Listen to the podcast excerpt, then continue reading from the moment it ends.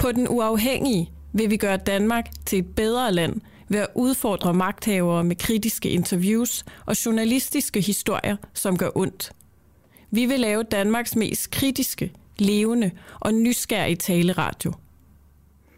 Den uafhængige får 0 kroner i støtte fra staten, mens de andre taleradioer får kørt penge ind på paller, uden at skulle gøre sig umage, så skal vi anstrenge os for at være vigtig for dig hver dag, og vi skal gøre os fortjent til din støtte. Samtidig har vi valgt, at vores morgenprogram skal være gratis og frit tilgængeligt for alle, så vores journalistik rammer så mange som muligt. Hvis du vil være med, så download vores app, Den Uafhængige, og bliv en del af holdet. Som medlem får du også eksklusiv adgang til en række programmer på vores app. Hvis du bliver medlem og lytter til vores morgenradio gennem appen, så kan du også slippe for den her besked, når du lytter live eller til vores podcast. Velkommen til En Uafhængig Morgen med Camilla Boraki og Christoffer Lind.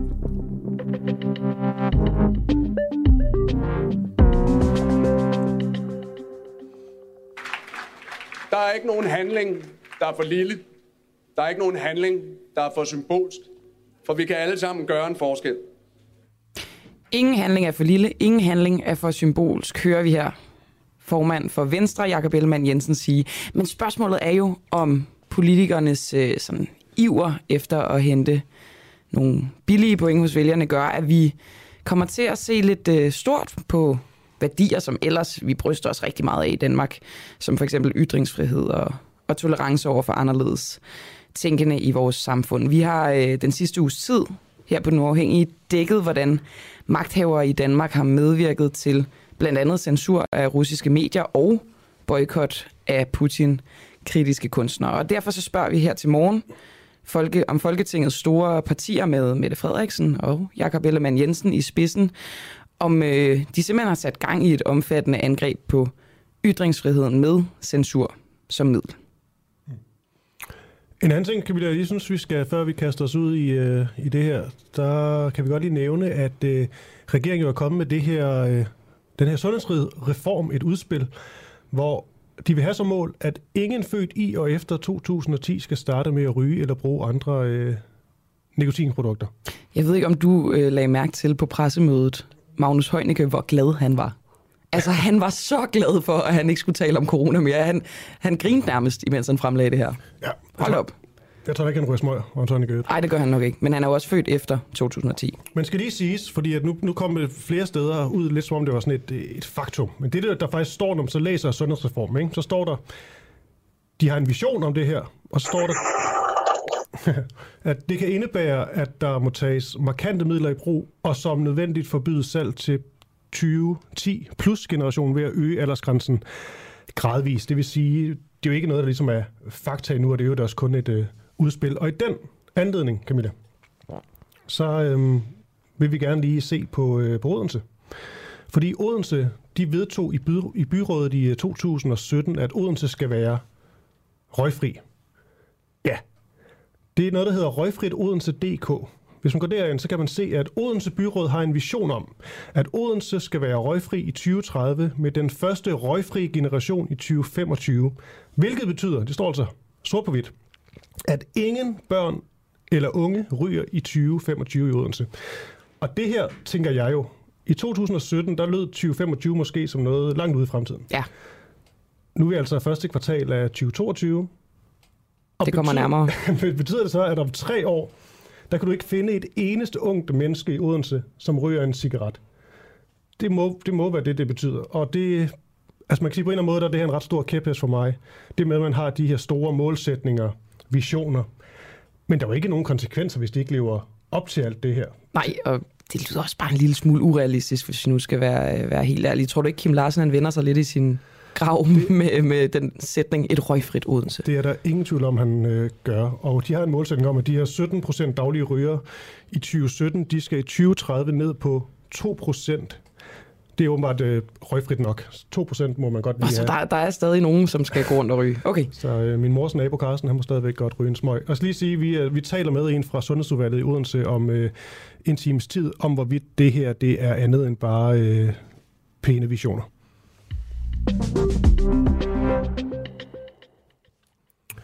Ja, og øh, nu skal vi tale med en, øh, en herre ved navn Slatko Labovic. Han er formand for Serbisk Forening i Danmark, og han er også skuespiller. Fordi har Folketingets partier med Mette Frederiksen og Jakob Ellemann Jensen, vi hørte klip her i starten med, i spidsen sat gang i et omfattende angreb på ytringsfriheden. Det er, som øh, før nævnt, det vi undersøger her til morgen. Vesten, de vil nemlig gerne censurere Rusland, men øh, her hos Nu Afhængige, der vil vi gerne høre de russiske synspunkter, i hvert fald her til morgen. Og vi prøver i øh, dagens første interview at afprøve nogle af de her påstande, som ellers her i Vesten bliver affaret som rendyrket Putin-propaganda. Så Slavko øh, Labovic, jeg tænker, vi kaster os ud i sådan en, øh, en lille øvelse her, og godmorgen til dig. Godmorgen. Godmorgen, godmorgen. Jeg kommer med nogle, øh, nogle, po- nogle påstande, og så skal du ligesom øh, Ja, på en eller anden måde verificere dem eller affeje dem, ikke? bare fyr løs. Jeg skal vi prøve? Lad os se, hvad du har. Yes. Ja, lad os prøve vi, vi, det. vi, tager, vi kaster livet i det. Putin, han mener, at Ukraine er ledet af nazister. Hvor kommer den påstand fra? Det kommer desværre fra virkelighedens verden. Der er massiv øh, indsamlet dokumentation og beviser på, at der i øjeblikket er øh, fem navngivende bataljoner i Ukraine, som består af deciderede øh, yderliggående nazister, som øh, bærer nazistiske tegn på deres uniformer og opfører sig nazistisk i deres politiske propaganda og øh, åbent erklærer tilhængere af Stepan Bandera, som var kollaboratør øh, under 2. verdenskrig i Ukraine og var med til at nedslagte den øh, russisk talende befolkning i Ukraine siden dengang. Det de støtter i dag, som vi ser som, øh, som de mest yderliggående og krigsførende parter i, øh, i Donbass-regionen. Zelensky, er han, øh, er han nazist? Det er et godt spørgsmål. Øh, Er det det?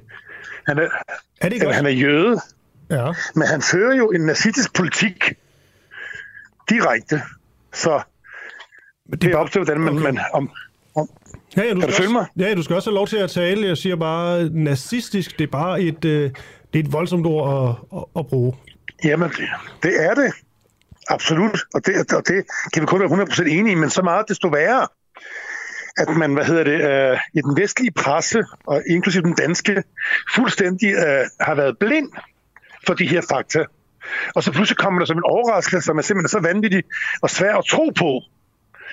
Og det er fordi, man ikke har fulgt udviklingen, hvad der er sket. Øh, øh, jeg skal nok komme til emnet og svare på dine spørgsmål, men, men jeg kan simpelthen ikke... Øh, årsagen til den misære, vi står i, der mangler en, en, en, en øh, objektiv og hvad hedder det, øh, detaljeret analyse af, hvad der er foregået de sidste otte år, om hvordan nazisterne har opført sig over for den russisktalende ukrainske befolkning i de sidste otte år. Men Slavko, Med massive øhm, krigsforbrydelser. ja, jeg tror, at øh, vi bliver nødt til at... 14.000 mennesker er døde. Det er der jo ikke nogen danske journalister, der aner noget om, for ikke at sige, at de har skrevet om det og informeret den danske befolkning om. Og nu pludselig står vi med et ramaskrig, hvor dobbeltmoralen og hyggeleriet har nået hidtil usete Men, højder. men Slavko, jeg vil gerne lige vende tilbage til det her med, at du siger, at Zelensky han fører nazistisk politik. Kan du komme med noget lidt mere konkret?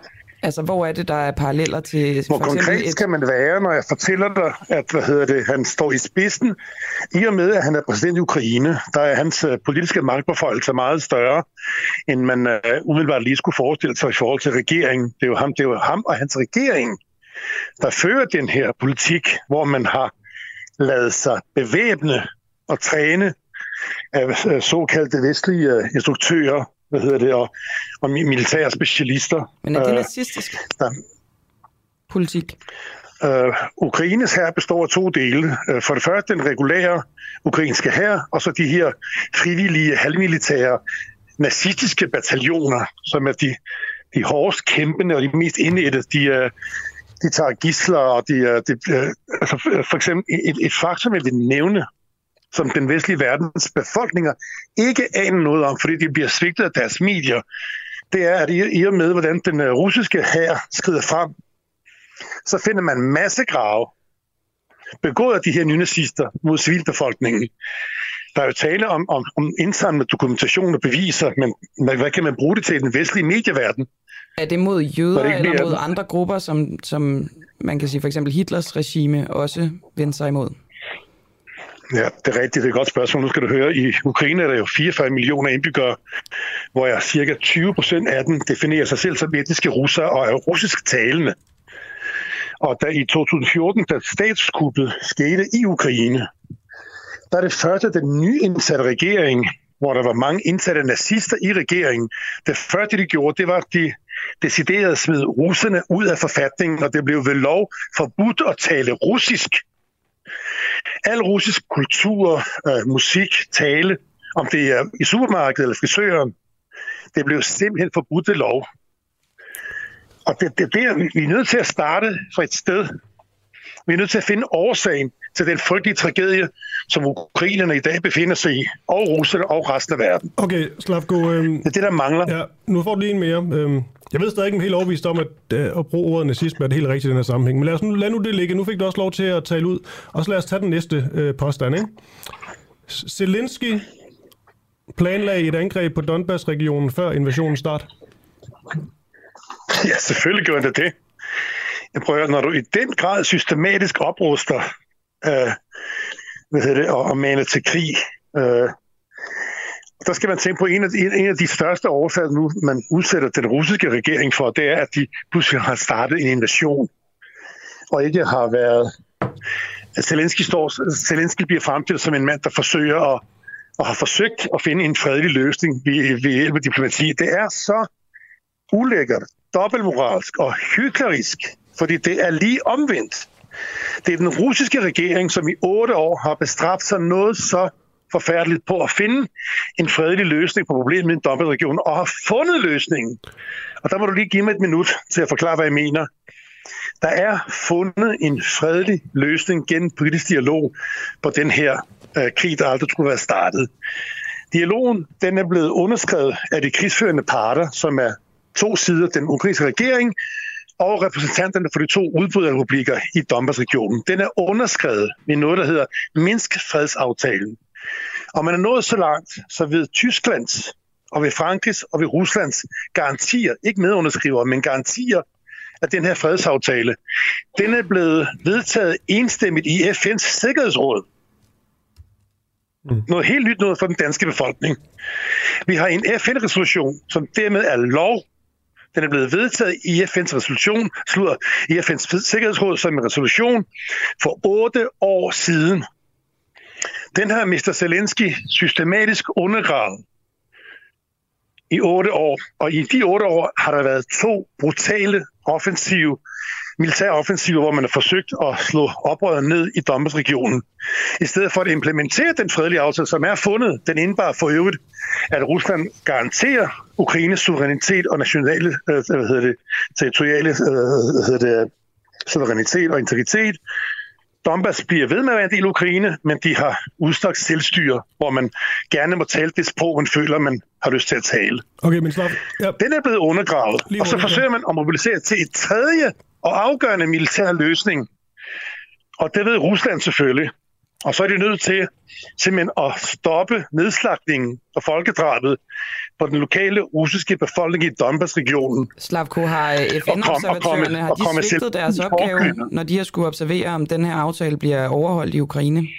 Fordi dem har man jo ikke hørt noget fra om alt det her. Det første spørgsmål hørte jeg ikke, fordi jeg talte. fordi gentager det første. Der har jo den været, første del der er jo ligesom en del af den her Minsk-aftale, er, at der er FN-observatører i Donbass-regionen. Har de svigtet? Fuldstændig rigtigt. Absolut, absolut. OSCE øh, har jo Så været vidne ikke til... stole på FN? Jamen, nej, her, det er også... Hvis man først erkender, at man ikke kan stole på FN, så har man jo faktisk øh, fuldstændig øh, negligeret deres eksistensberettigelse. Så selvfølgelig er vi jo nødt til... Jamen, jeg, jeg, jeg, jeg, jeg mener, altså som person og det ved jeg også selvfølgelig, den russiske regerings holdning, og almindelig normale anstændige menneskers holdning, og selvfølgelig er man nødt til at respektere sådan et, et organ som FN, fordi ellers uh, bryder hele verden skulle da sammen. Så selvfølgelig er man nødt til at respektere FN, men det bliver jo undergravet.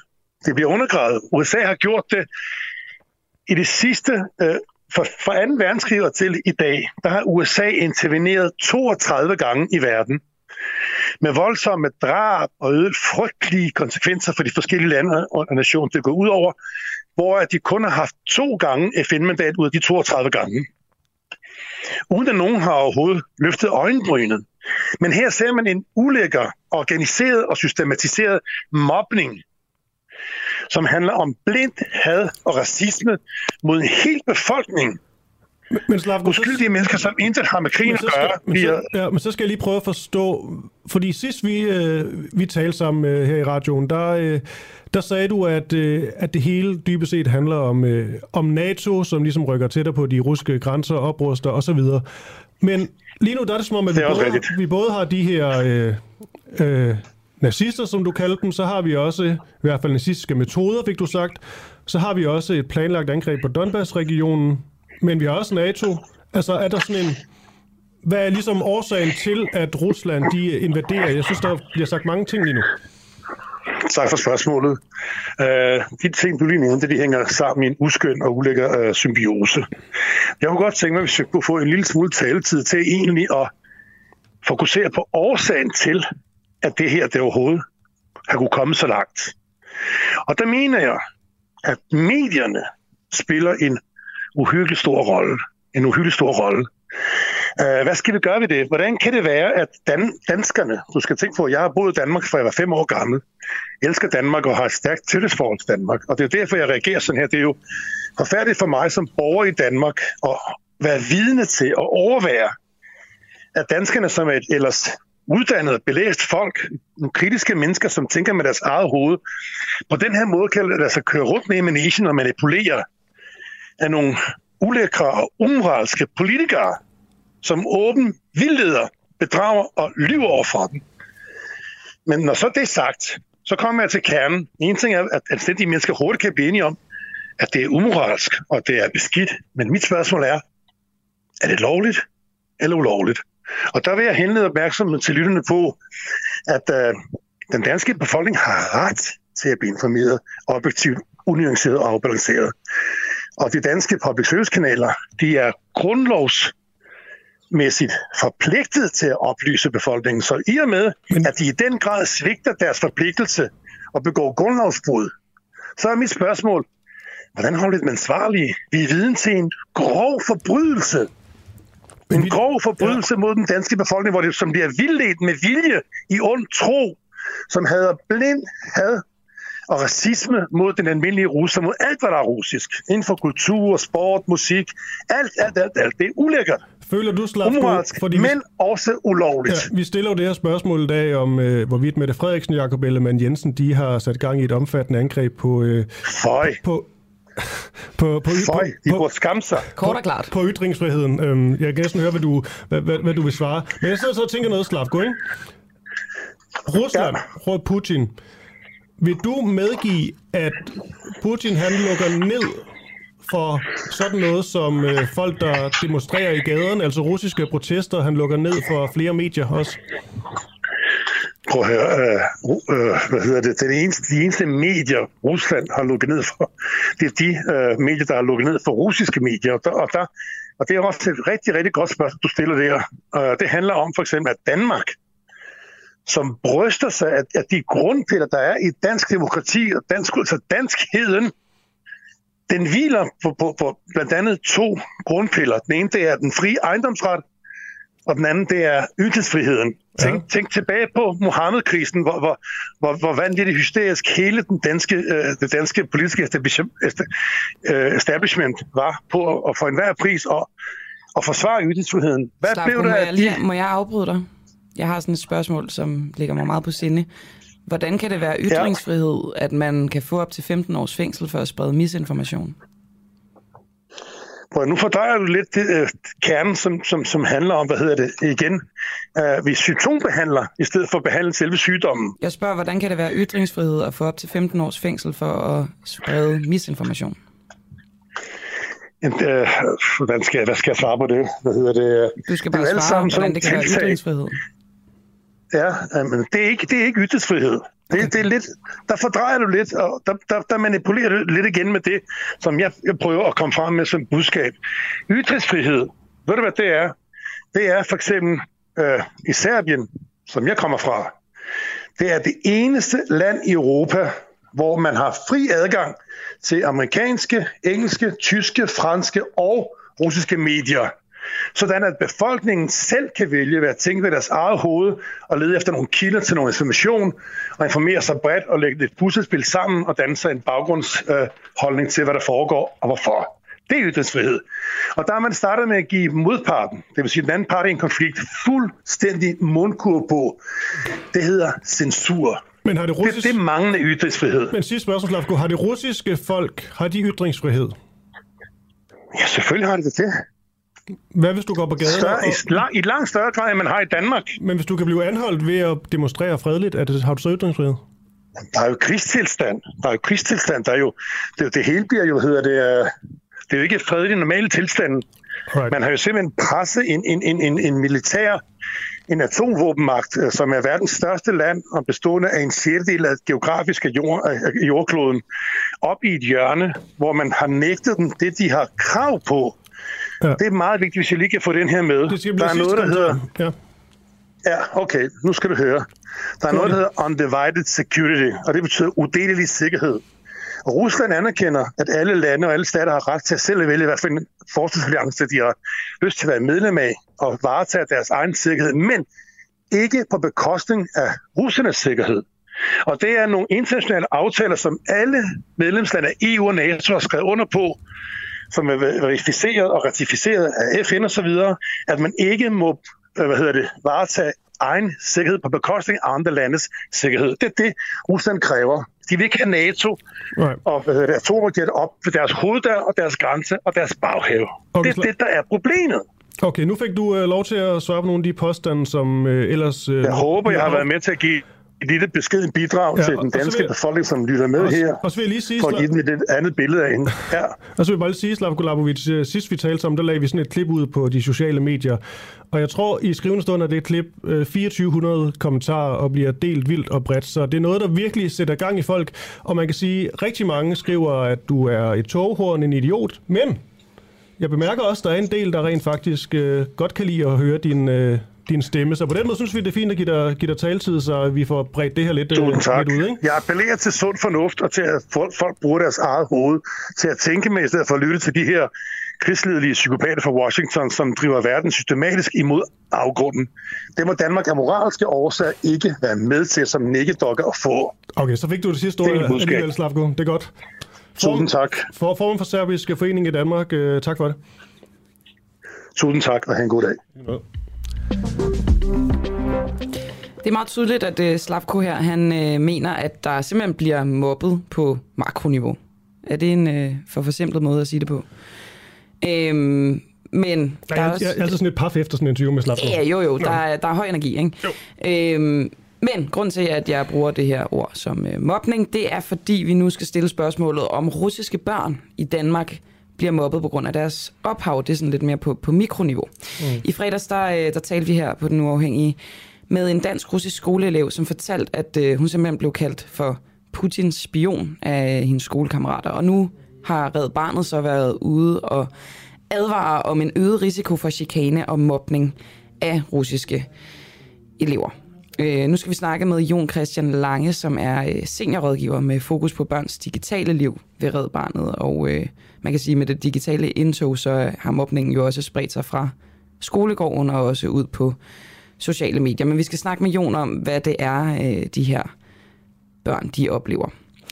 Øh, Jon Christian Lange, hvad, hvad er det for nogle øh, oplevelser, som I har hørt om i Red Barnet øh, fra Jamen, vi- russiske børn i Danmark? Yes. Jamen, vi har hørt noget lidt forskelligt.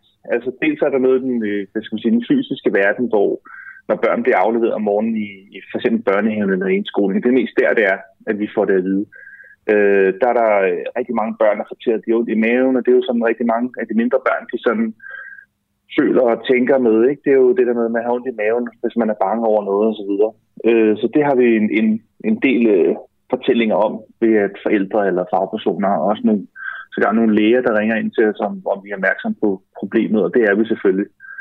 Så det er også op i de lidt ældre klasser, øh, hvor der helt klart er, hvad skal man sige, en, Øh, en genfortælling om, at hvis man er fra Rusland, så, så er man måske også lidt skyld i problemet. Specielt også, hvis man så kigger på de digitale medier, hvor man kan se, at der er sindssygt meget udskamning på, øh, på alle mulige forskellige sociale medier. Og øh, det vil jeg faktisk gerne vende tilbage til, men øh, jeg kunne godt tænke mig, fordi nu siger du, der er, der er ondt i maven, og der er bekymringer, der er måske en stemning. Har I fået nogle øh, beretninger, konkrete beretninger om, at, at børn er blevet kaldt noget, eller de har været udsat for noget? Er vi ikke blevet, heldigvis ikke, så mange børn, der er blevet udsat for noget. Det har vi ikke hørt om. Altså, jo, på den måde, de er blevet råbt til og råbt af. Øh, og blevet kaldt øgenavn og sådan noget. Og det er jo der, Hvad bliver hvor... de kaldt? Jamen, øh, alt sådan noget russerluder og sådan noget, hvis man er en pige, ikke? Øh, og, ja, øh, ja. Og, øhm, og, og, hvad skal man sige, og bare blive kaldt Putin. Mm. Øh, altså, og det er jo det sådan, det ligger lige for, tænker jeg, specielt den sidste, ikke? Ja. Øh, så det har, vi, det har vi hørt nogle gange. Det der med roselød, det hørte jeg i går, og det blev jeg selvfølgelig rigtig ked af over, det, det sker, selvom vi også har ude at sige det her. Men det minder meget om det, vi lidt oplevede under corona, hvor børn med asiatiske afstamning også blev udskammet. Øh, og det var sådan, derfor tænkte vi, at vi ville hellere gå ud lidt tidligere og fortælle om det her, inden vi måske har nogle konkrete tal, men vi begynder at få nogle beretninger ind forskellige steder fra. Og det er vel fordi, at det er uundgåeligt, at børn, de, øh, de ved jo godt, hvad der sker ude i verden, kan man sige, og så, øh, så overfører de det måske til, til skolegården. Øhm, kan du ikke fortælle lidt om, hvad, hvad det er, der sker på de sociale medier? Dels måske, hvordan folk bliver udsat for mobning, men også hvordan de bliver påvirket. Jo, selvfølgelig. Jamen, øh, der er mange forskellige sociale medier, hvor børn er på. Hvis man starter der, hvor, hvor skal man sige, de danske børn er normalt, når de hvad skal man sige, starter med at bruge sociale medier, øh, som ofte er Roblox, øh, hvor man er sådan en 8, 9, 10 år, når man starter der. Så der er rigtig mange spil, øh, hvor man skal, skal rende rundt øh, og, og skyde russer, eller lære, hvordan det er at leve et russisk liv, øh, som så betyder, at man skal have en masse våben og, og gøre dumme ting. Altså er det sådan et øh, spil, de, som er kommet før eller efter krigen? De, der var en, en del før, vil jeg sige. Altså lige op til, øh, hvad skal man sige, der var har, har været hele situationen i Ukraine var jo, i Ukraine var jo før øh, krigen startede. Ikke? Mm. Øh, så der kan man se, der, hvis jeg sporer dem tilbage, så er der sådan et halvt til et helt år. Men efter krigen er der kommet mange flere af dem. Russian Simulator hedder de. Og så hedder, og jeg kan huske, hvad de andre hedder. Der er virkelig mange af dem. Øh, men også hvor du, det der er specielt med Roblox, det er, at du kan lave din egen avatar. Så det vil sige, at der er mange, der laver sådan nogle forfærdelige udgaver og latterliggør, øh, hvad skal man sige, øh, det at komme fra Rusland ved at ramme rundt og, og have en avatar og snakke med andre. Øh, så det er sådan på, på de mindre medier, eller for de mindre børn. Og er, det, øh, er der en eller anden verden, hvor det er en god ting, at børn får lov til at udtrykke? Det er jo vel på en eller anden måde deres holdninger. De udtrykker ved at, at spille spil og sådan noget. Det er rigtig fint, rigtig meget af det, der er. Øh, og, det, og det er netop, hvad skal man sige, den gode side er det, af det er, at hvad skal man sige, når børn leger noget, så får de det ligesom ud, kan man sige. De får det behandlet, ligesom voksne vil måske tale om det, sætte ord på. Det er ikke øh, alle 7, 8, 9 år, der de kan det. Så det at bruge lejen er jo selvfølgelig godt. Men det har jo også en kæmpe slagside, når, når, når alt, øh, eller ikke alt, men utrolig meget handler om, at man skal være en, en ond roser, der skal gøre onde ting. Så bliver det også normaliseret, at roser er sådan på den måde. Øh, så det har vi selvfølgelig snakket med Roblox om, og de har faktisk været ret gode til lige præcis her og fjerne det ret hurtigt, vil jeg sige. Og der er også en masse forskelligt på andre sociale medier, for eksempel øh, TikTok. Ja. Men øh, Jon Christian Lange øh, fra Red Barnet, har politikerne også et ansvar for, at der skabes øh, en antirussisk folkestemning, som flyder nedad øh, på, på børnene også?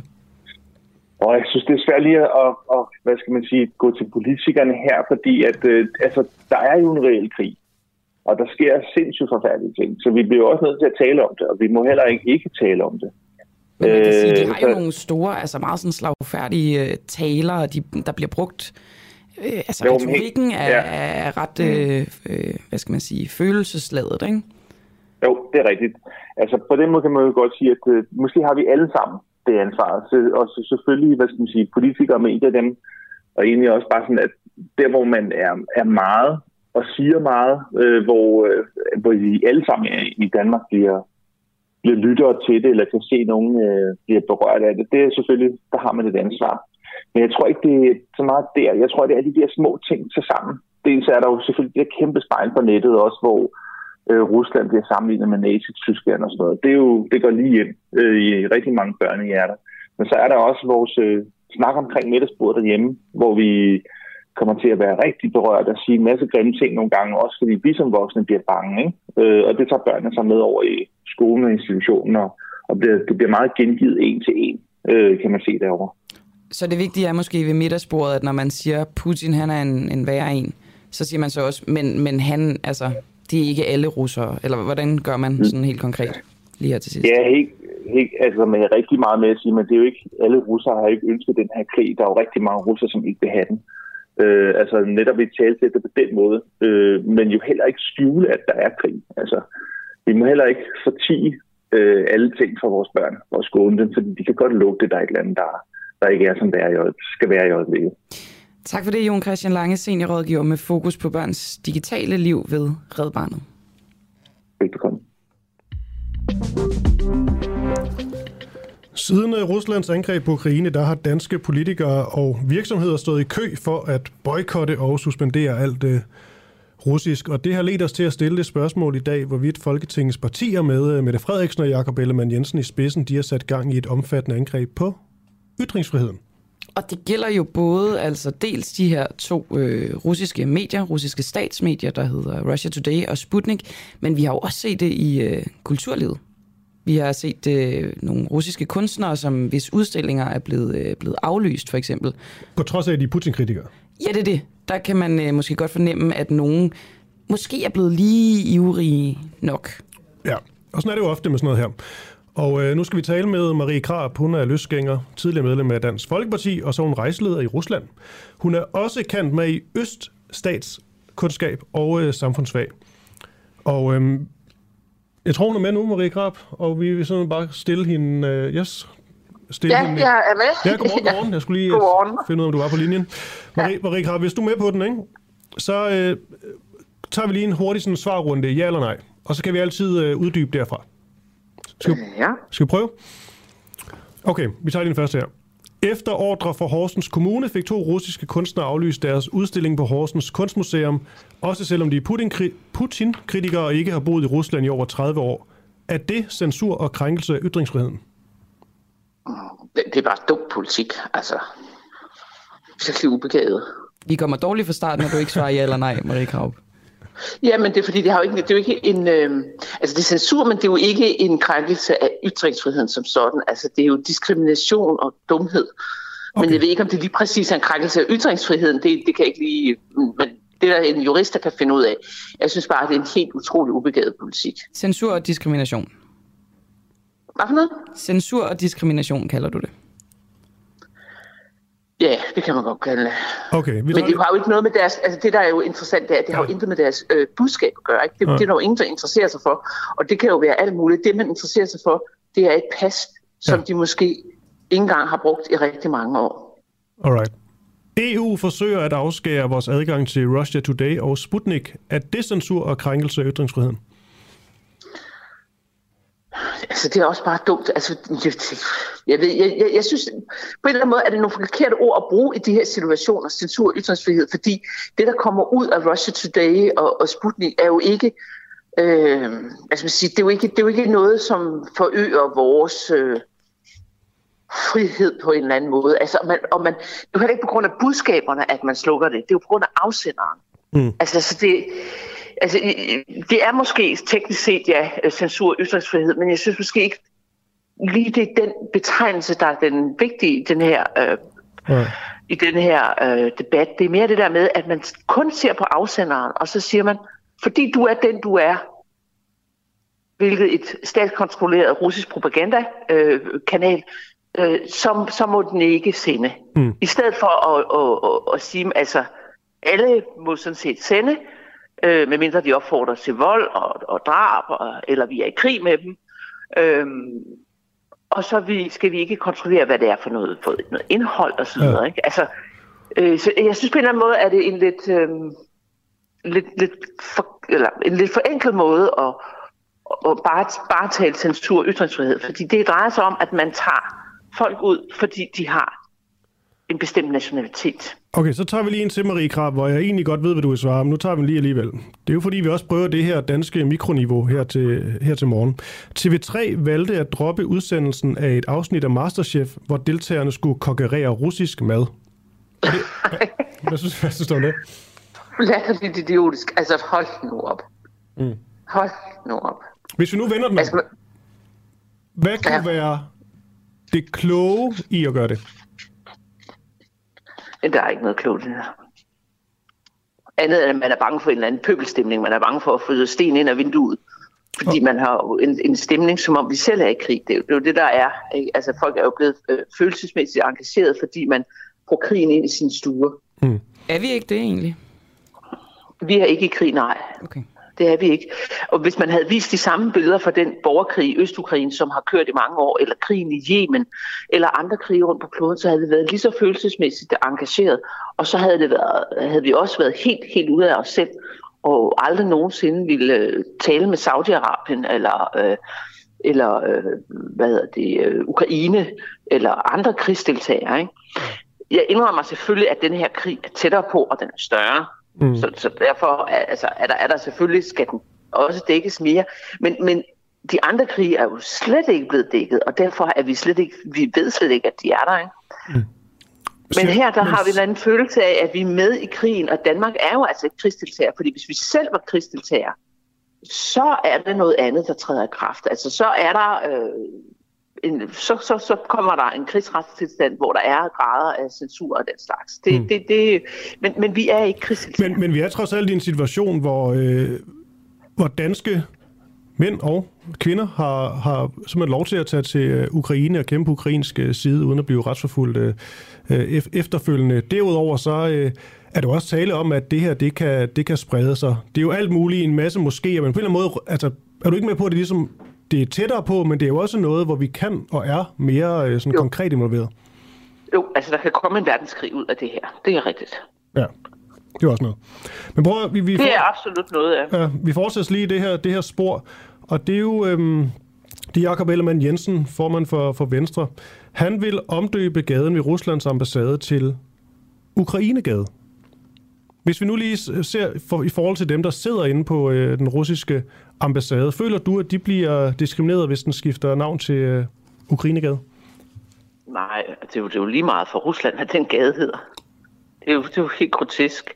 Øh, hvad er det nu, gaden hedder? Fordi, øh, som den ligger på, det er jo opkaldt en Nej, det kan jeg ikke huske. Det kan jeg faktisk heller ikke. Det er da lidt pinligt i virkeligheden. Men, men ja, altså, fordi faktisk har den et rigtig fint navn, så vidt jeg husker. Øh, jo, den hedder, det er, er det ikke Christianiagade, for det er en gammel jo, sådan, øh, norsk... Jo, jo, lige ja. præcis. Det ikke? Altså, altså, det synes jeg, jeg synes måske, det, det er en, en krænkelse af vores øh, norske brødre, at man øh, vil fjerne et, øh, et navn, der har med Norge at gøre.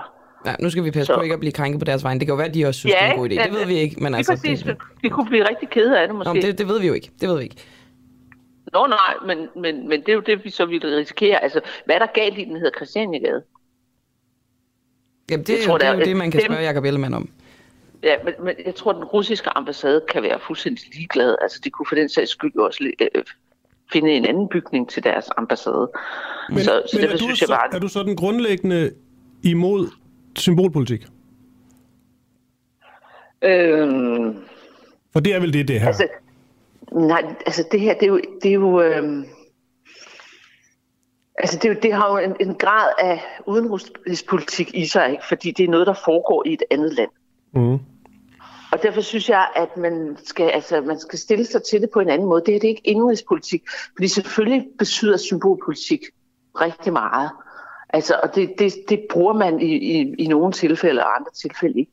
Men her drejer det jo sig om en krig, som vi ikke deltager i. Altså, det er ikke blevet til en verdenskrig endnu. Det er der selvfølgelig en risiko for, men i det øjeblik, det bliver til en verdenskrig, så har vi ikke særlig lang tid. Så kan vi ikke nå at omdøbe nogle gader eller udelukke nogle russer, for så får vi formentlig atomvåben i hovedet, og så går det ret hurtigt. Men så længe vi ikke er i en, en krig selv, så synes jeg, at det er øh, helt overdrevet, det der sker. Men hvorfor egentlig ikke? Altså, nu er vi jo erklæret støtter af Ukraine, så hvorfor ikke også vise vores støtte altså på alle parametre, også de her? Det er fordi Danmark ikke selv er i krig. Altså, Men vi det er erklæret, altså, regeringspolitik. vi, vi er jo støtter af Ukraine på alle mulige måder, ikke? Det er jo, det er jo øh, Ikke på alle, ikke, ja, men ikke på alle mulige måder, fordi vi sender ikke tropper derned. Vi er ikke krigsdeltagere. Nå nej, men det bliver vi jo heller ikke af de her små symboler, for eksempel at omdøbe en gade, så hvorfor ikke vise vores støtte på den måde? Fordi vi ikke, altså fordi vi har ikke taget 100% side, eller stilling på den måde. Altså, der må også være plads til, at man stadigvæk kan være en fredelig russisk kunstner i Danmark. En fredelig russisk kok, eller øh, en øh, borsch, øh, rødbedesuppe. Altså, det kan ikke passe, at vi skal udgrænse mennesker, der er i Danmark, eller kultur, der er i Danmark, og som virkelig ikke har noget med krigen at gøre, øh, fordi Danmark har ført en politik, der er positiv over for øh, Ukraine. Føler, Det- ja, føler du Det synes jeg er for meget. Ja. Jeg synes, vi skal samle ind, og jeg synes, vi skal hjælpe flygtninge, jeg stemmer selv for den særlov, der kommer, hvor man skal gøre ekstraordinært meget for ukrainske flygtninge. Det synes jeg er ekstremt vigtigt. Men jeg synes ikke, at vi skal ændre vores egen tilgang til kulturlivet, øh, eller, eller mange andre ting, på grund af, at, at der er en krig i Ukraine. For der er, også, der er også andre krige rundt omkring verden. Den her er selvfølgelig mere markant. Altså det, det er der ingen tvivl om, og det er tættere på. Men der er også andre krige rundt, i verden, rundt omkring verden, og den kunne man også begynde at trække ind i stuen. Og så kunne vi også sige, at fra nu af, øh, så må man ikke øh, tale arabisk, for det gør man i Saudi-Arabien, og Saudi-Arabien kører en krig imod Yemen, hvor de lider virkelig meget. Det er helt forfærdeligt. Altså, og det gør vi jo ikke. Det er der jo ikke nogen, der har interesse i.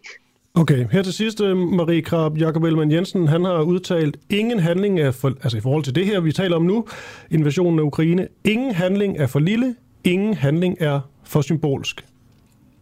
Ja, men så synes jeg, at han skal tage sin uniform på, og så synes jeg, at han skal drage krig selv.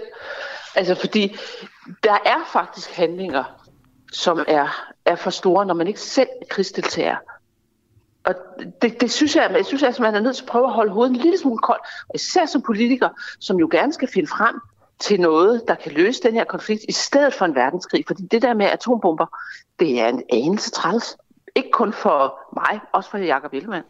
Okay, her til sidste, det vil så et ja-nej-spørgsmål her til sidst. Føler du, at, øh, lad os bare sige, Mette Frederiksen og Jakob Ellemann Jensen, de er med til at skabe en unødvendig antirussisk stemning i Danmark? Øh, jeg ved ikke lige med Mette Frederiksen præcis, men jeg synes, at, øh, altså, at, at de her opfordringer til at boykotte øh, individuelle russiske kunstnere, som måske har boet i Danmark eller Tyskland i 50 år, altså det er jo hets. Det er jo noget, som man tænker, hvis det var en, en muslimsk eller en jødisk kunstner, som fik at vide, ved du hvad, du er muslim, du må simpelthen ikke øh, udstille på det her, eller du er jøde, du må ikke spille det her orkester. Altså, hele offentligheden vil jo skrige og sige, det er, det er den groveste form for diskrimination.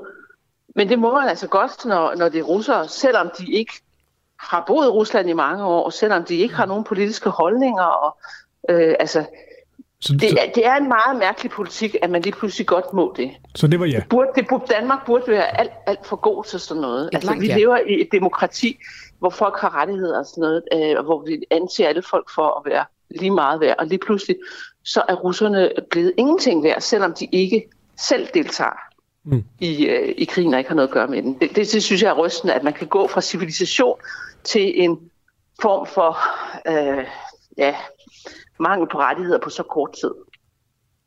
Alright. Var det ja?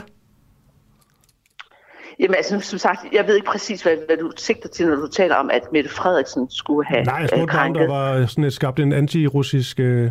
Jamen, der er skabt helt klart, der er en Okay, meget, er meget nok. antirussisk stilling. Det er der. Ja, så slipper jeg det her. Marie Krab, løsgænger, tidligere Ja. medlem af Dansk Folkeparti. Og kan du have en fortsat god dag? Tak. Hej. Det tror jeg var et, øh, et relativt klart ja, øh, at der ligesom er skabt en, en antirussisk stemning øh, fra flere fronter her i, i Danmark. Og måske en, øh, en front, som vi ikke snakker om her, men som vi skal snakke om nu, det er øh, Facebook-gruppen, som hedder Boykot Rusland. Øh, den er opstået som en støtte til Ukraine, og øh, ham, der står bag, han hedder Søren Johansen. Det er ham, der har oprettet den her Facebook-gruppe Boykot Rusland. Og ham skal vi øh, snakke med nu om, hvad, hvad det går ud på, hvor grænsen måske for boykot øh, ligger henne. Øhm, jeg kan sige om gruppen, øh, det de selv skriver, det er, at øh, denne gruppe er lavet for at støtte Ukraine og boykotte Rusland. Hvem handler med Rusland? Hvor kan vi boykotte? Hvem kan vi lægge pres på? Hvem tillader russiske sports- eller kulturfolk at deltage? Kort sagt, hvor kan man lægge pres på? Og hvor kan man som borger boykotte? Søren Johansen, øh, administrator af Facebook-gruppen Boykot Rusland. Hvordan boykotter du selv Rusland, og godmorgen? Ja, godmorgen. Jamen, øh, i første omgang øh, ville jeg jo i gang med at finde ud af, hvordan, øh, hvad jeg selv kunne gøre. Og så begyndte vi at kontakte øh, organisationer og virksomheder for at høre, øh, hvordan de så på det her, og det er jo gået rigtig stærkt. Øh, men der er også nogen selvfølgelig, som har øh, været sig lidt, og øh, og vi skulle selvfølgelig have nogle informationer, før vi ligesom kunne gå ud og ligesom sige, øh, hvem er det, der gør hvad. Men det vi kan gøre nu fremad i gruppen, altså den vokser jo hele tiden, vi er oppe på 2800 næsten nu, det kan selvfølgelig lyde ikke ret mange, men vi har heller ikke promoveret den ret meget. Men Det er jo selvfølgelig at sige, hvad er det for nogle virksomheder, som viser ansvar i øjeblikket, øh, og hvem gør ikke? Og så kan man jo øh, lave kampagner øh, på sociale medier i forhold til at få folk til at være med at købe de her produkter. Og er det her fordi, at I synes ikke, at øh, politikernes sanktioner imod Rusland, de er nok?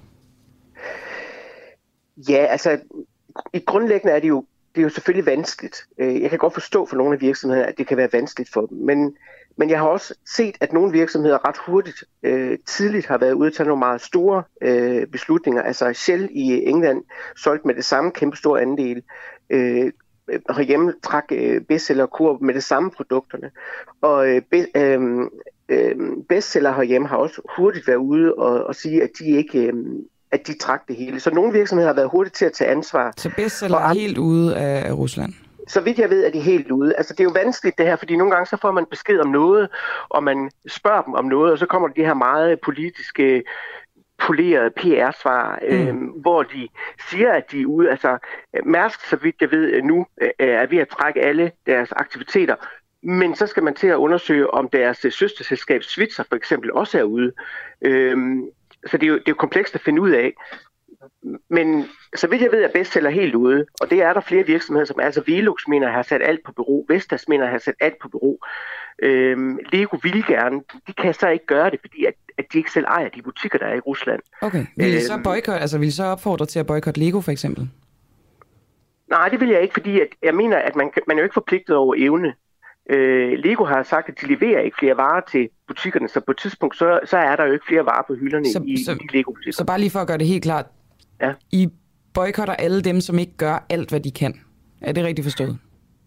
Ja, det er rigtigt forstået, at, altså, altså, at øh, i den her situation mener jeg, at det er rigtig, rigtig vigtigt, at virksomhederne virkelig viser ansvar. Den her krig, altså krise den er helt anderledes end det, der har været før. Og der er nogle af virksomhederne, Eko for eksempel, øh, som øh, overhovedet ikke trækker noget som helst. De har stadigvæk produktion osv. Og, og sælger. Øh, og det er klart, at der, der tænker jeg, jamen, øh, de har ikke engang noget humanitært, som Novo og Lundbæk for eksempel, de har ikke engang noget humanitært sigte på at stoppe deres... Så, øh... så har I brændt jeres ekosko, eller hvordan forholder I jer til det i gruppen? Nej, jeg har ikke brændt dem, jeg køber bare ikke flere. Nå, okay. Øhm, hvem er den største sønder af danske virksomheder? Jamen, det kan man jo ikke sige på den måde. Det var øh, fordi, jeg scrollede ned over Facebook-gruppen, ikke? og der synes jeg, at der er, de sidste par dage har der været et tema, og det hedder Carlsberg. Det er klart, at Carlsberg, jeg vil ikke sige, at Carlsberg er den største sønder, men, men det er klart, at Carlsberg er voldsomt eksponeret, fordi de er så store. Øhm, jeg er klar over, at Carlsberg de har jo et engagement på omkring 36 milliarder i Rusland. Det er jo ikke småpenge. Øh, de har også 8.400 ansat. Men øhm, som Mærsk udtalte til Berlingeren, så at de er en værdibaseret virksomhed, som både øh, tager vare på, på medarbejdere, altså har omsorg for medarbejdere, men også har omsorg for miljø og andre mennesker i det hele taget i omverdenen. Og der mener jeg, at de 8.400 ansatte, som Carlsberg de har i Rusland lige nu, øh, jeg mener ikke, at det var dem, der burde være omdrejningspunktet for de handlinger, som Carlsberg foretager sig. Det synes jeg er et PR-stunt.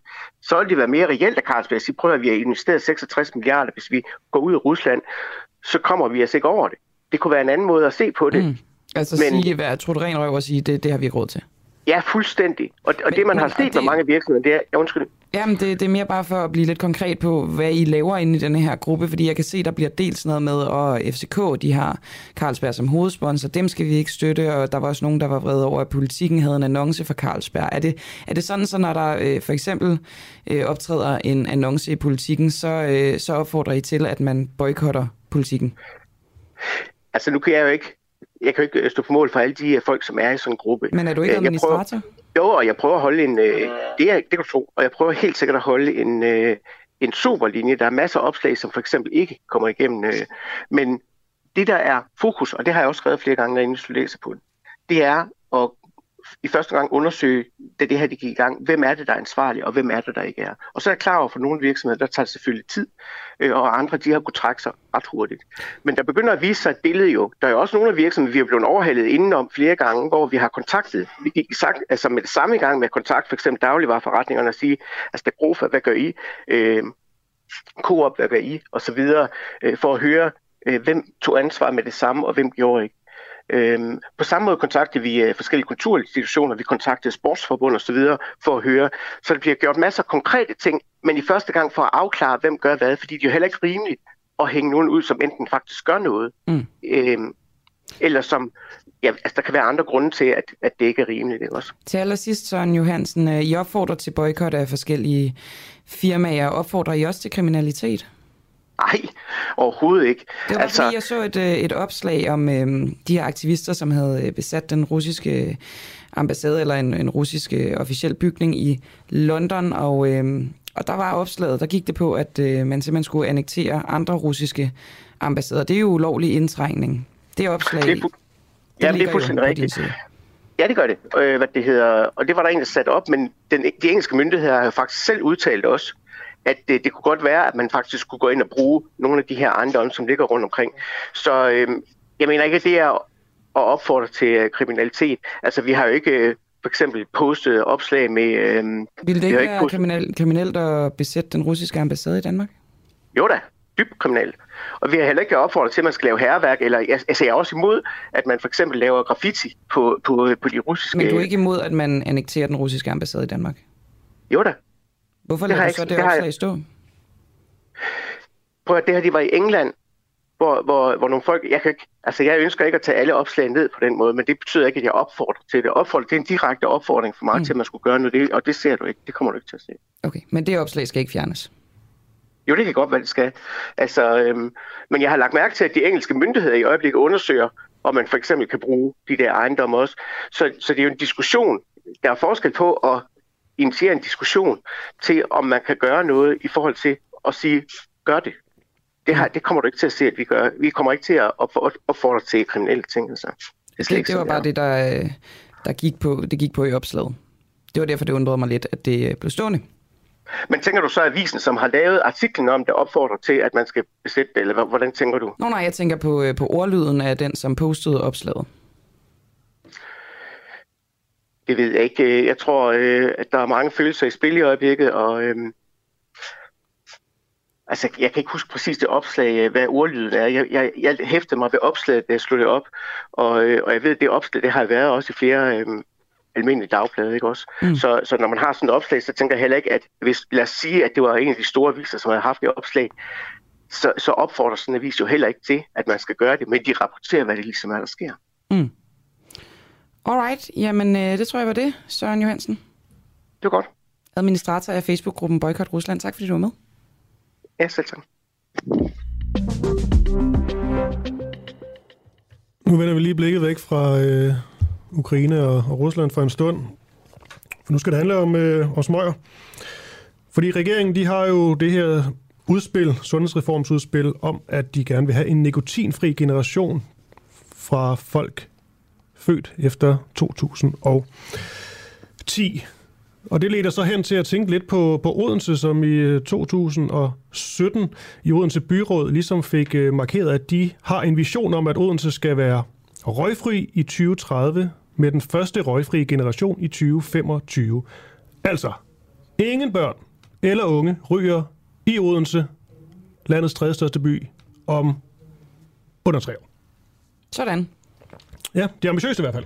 Det må man sige. Spørgsmålet er om, øh, og lige sige helt konkret, og det de har en målsætning, eller målsætningen er, at de 17% daglige ryger i 2017 reduceres til 2% daglige ryger i 2030. Man kunne bare ikke øh, få dem alle sammen til at stoppe. Det er Altså, sjovt. træerne, træerne vokser ikke ind i himlen, når vi taler ambitioner, vel?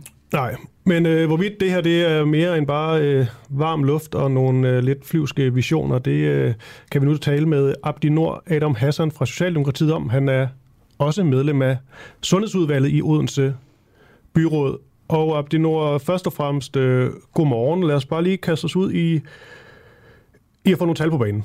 Hvor mange ryger er der i Odense? Morgen. Ja, godmorgen. Hvor mange ryger er der i Odense i dag? Ja, svært at vide. Vi, vi måler det ikke øh, hele tiden, men øh, der er rigtig mange unge, der ryger. Nå. Øh, og hvad, hed- hvad hedder de? Øh, røgfri Odense 2030 er, øh, at vi fjerner en, øh, 2025 at vi fjerner en hel generation for, hvad hedder de, øh, fra rygning. Ja. Det er en vision. Om det lykkedes, vi finder ud af det undervejs. Hvor, øh, hvor tæt er I på at lykkes? Uh, vi i hvert fald går rigtig meget. Vi har indgået partnerskab aftaler med rigtig mange uddannelsesinstitutioner. Vi har gjort uh, noget ved vores uh, Odense Kommunes udendørsarealer, hvad hedder de, lejrpladser, alle mulige steder. Vi har gjort, hvad hedder de, meget mm. ud af, af, hvad hedder de, skabe en fællesskab, uh, fester, mudder, uden røg. Og det er jo, hvad ja, og, de? og, og det er jo alt sammen, det er jo alt sammen fint nok, men ja. hvor mange unge i Odense røg i 2017, og hvor mange ryger i dag? Hvor tæt er I på? Vi er, hvad hedder det, der er færre, der ryger. Uh, men jeg må også indrømme, at der er kommet en hel masse andre ting, fra snus til uh, ting og sager, som vi er nødt til at indstille os hele tiden og finjustere vores vision. Hvor mange, Øh. hvor mange færre er det, der ryger siden 17? Jeg har ikke talt på det. Jeg vil ikke, jeg vil gå ikke ind, øh, hvad hedder det, gå ind på tallet, men der er færre, der ryger. Okay, men altså det, der jo står her, sort på hvidt, det er i 2025, der er så ikke engang tre år til, der skal der ikke være en eneste ung person i Odense, landets tredje største by, som øh, ryger en cigaret. Tror du Ja. ærligt talt selv på det? Øh, helt ærligt, det bliver svært. Men Jamen, bliver det er ikke forkert at have en vision. Vi kæmper. men bliver det altså svært en ting, men det, bliver det umuligt? Øh, umuligt er det ikke. Er det ikke umuligt, at om tre år, der er der ikke en eneste ung person i Odense, som ryger en cigaret? Det er svært at tro, at det bliver muligt. Men umuligt er det ikke. Hvorfor er det ikke umuligt? Øhm, fordi det kan, det kan, hvis alle unge under 18 år vælger, hvad hedder det, sat røgen til siden, så er det svært, det er en succes. Men jeg tror ikke på det. Ja, ja, hvis, Men vi har en vision, hvis, og vi kæmper. og hvis alle danskere løber en maraton om en uge, så er det også en fin øh, vision, men det gør Ja, alle danskere ja, ikke. ja, ja. Prøv her. Vi har en vision. Det er sikkert, det lykkedes, hvis vi når 2025. Og der er stadigvæk rigtig mange unge, der ryger i Odense. Vi finjusterer den vision, vi havde. Vi kigger på, Men hvad så- er det, der har okay. gjort det umuligt. Fordi Men at opnå jo- det, Ja, det var det, det er jo det, det er jo, jeg forstår godt, hvad du siger. Men der er jo bare det med målsætninger og visioner, at Ja. man kan jo altid skrue lidt på dem, finjustere lidt, og så kan man sige, okay, vi fik ikke en røgfri generation i 2025, den får man Ja. så i 30. Når man ikke får det i 30, så får man i 35. Hvis ikke får man 35, så får man i 40, og så videre. Er det ikke sådan lidt uambitiøst? Øh, nej, det her, det med at kunne være røgfri, øh, hvad hedder det, øh, har lang historie. Hvad hedder det, øh, den begyndte først i 2004, hvad hedder det, hvor WHO startede noget, Danmark, hvad hedder det, Folketings 2007 kommer, hvad hedder det, skaber det der røgfri miljø, Odense Kommune 2017, er røgfri vision 2030, når vi når 2025, 2030, hvis vi har ikke nået det her vision, ja. Vi sætter os sammen og tænker nyt. Vi er hele tiden udfordret med, at der kommer nye ting. Og når vi siger røgfri vision i Odense, der er helt masse ting. En ting er, at tvang har ikke været en lille vision. Det er hensigtet skæring, det er samarbejde, det er, hvad hedder det, øh, røgfri fællesskaber. Ja, men jeg så Trump har bare- ikke været en Nej, del af det, så jeg vi har ikke tvinget ikke- nogen til noget. Det er fint, men vision er jo en ting. Jeg forstår bare ikke, hvad I baserer de her visioner på. Hvordan kommer I frem til, at visionen er, at unge, der ikke skal være en eneste ung, der ryger i Odense i 2025, og hvordan kommer I frem til, at kun 2% af odenseanerne, landets tredje største by, ryger cigaretter i 2030? Hvordan er det lige landet på de tal? Men, men de er ikke hvad hedder det, det er ikke forkert at have ambition for hvad hedder det, øh, de folk, der har peget på dig som, Men som hvorfor er, politiker. det, hvorfor er det 2%? Hvorfor er det ikke 1%, for eksempel? Ja, øh, det, man har på det tidspunkt vurderet, at 2% vil være, det vil sige den tal, der er uundgåeligt. Men jeg hvad- ved men- ikke, men hvad er det baseret på? Præcis. Jeg har ikke været politiker i 2017. Okay. Jeg har ikke været, hvad hedder det, valgt ind i, jeg har ikke været en del af sundhedsudvalget dengang. Nej. Så jeg ved ikke, hvilken, hvad hedder det, øh, faglige baggrund, der ligger i, at du skal være 2%. Men det er i sig selv ikke forkert, fordi det er ikke forkert at have ambition for, for et område. Hvor langt er I fra må- de 2%, som I vil have? Altså, der er kun er 2% odenseanere, som ryger cigaretter i 2030. Der er langt, der er langt til. Hvor langt er langt? Jeg, jeg, jeg vil ikke bruge tal på, jeg vil ikke øh, sige, hvilken tal, der er langt til. Men du, Men øh, vi, er, du- vi, er, men du vi, har nået rigtig Okay. langt. Nej, det er fint nok, men du er medlem af Sundhedsudvalget. Det er vel Ja. meget rart, hvis du rent faktisk godt gad at bruge tal, tænker jeg. Nej, nej, jeg er medlem af Sundhedsudvalget nu, Ja, og der er gået tre måneder siden, jeg blev valgt ind, og jeg er blevet medlem af Sundhedsudvalget. ja, ja men Jeg har derfor, ikke været medlem af Sundhedsudvalget de sidste fire år. nej, nej, men derfor kan du vel godt vide, hvor mange, der ryger cigaretter i Odense i 2022. Ja, ja, ja, vi har været, vi har set tallene, men jeg gider ikke gå ind på det der procenter, eh, hvad hedder det, 11 procenter, 12 procenter. Jeg ved godt, det er noget, der ændrer sig hele tiden. Og vi har lige fået, hvad hedder det, sundhedsrapport for hele Syddanmark. Okay. Jeg har ikke noget at læse hvis- til os. Nå, det er fint nok, men jeg forstår bare ikke, hvorfor vil du ikke gå ind på procenter, når nu det her handler om, I skal ramme et procenttal? Det er jo Ja, det er for, det er forholder mig, jeg, jeg er 20, 25 og 20 30. Det ser ud til 2025 bliver svært at nå, men det er ikke forkert at have ambition, og det er den ambition, vi har. Nej, men det er vel også meget rart, at de ambitioner, de er bare sådan en lille smule realistiske, fordi ellers så kan det vel godt tolkes som ren luft. Ja, og jeg er enig med dig. Mm. Det er ikke ren luft, men jeg er enig med dig. Hvad hedder det, når man siger 2025 er røgfri generation? Ja, man vidste jo sikkert fra start, at det, det ville være svært. Men det er ikke forkert at have ambition. Nej. Og, og, og hvad hedder det, vi skal gå de, hvad hedder det, øh, der er forskning, der viser, at øh, synlig rygning, hvad hedder det, øh, er med, skal få flere unge til at ryge. Og vi har kæmpet med det her, gået i, hvad hedder det, partnerskab aftaler med uddannelsesinstitutioner, Jeg har gjort noget ved udendørs arealer, har gået, hvad hedder det, i partnerskab med folk, der, hvad hedder det, øh, der står for uden, hvad hedder det, udenrådsarrangement til fest eller sådan noget, så de er røgfri. Vi har, vi har gjort rigtig meget.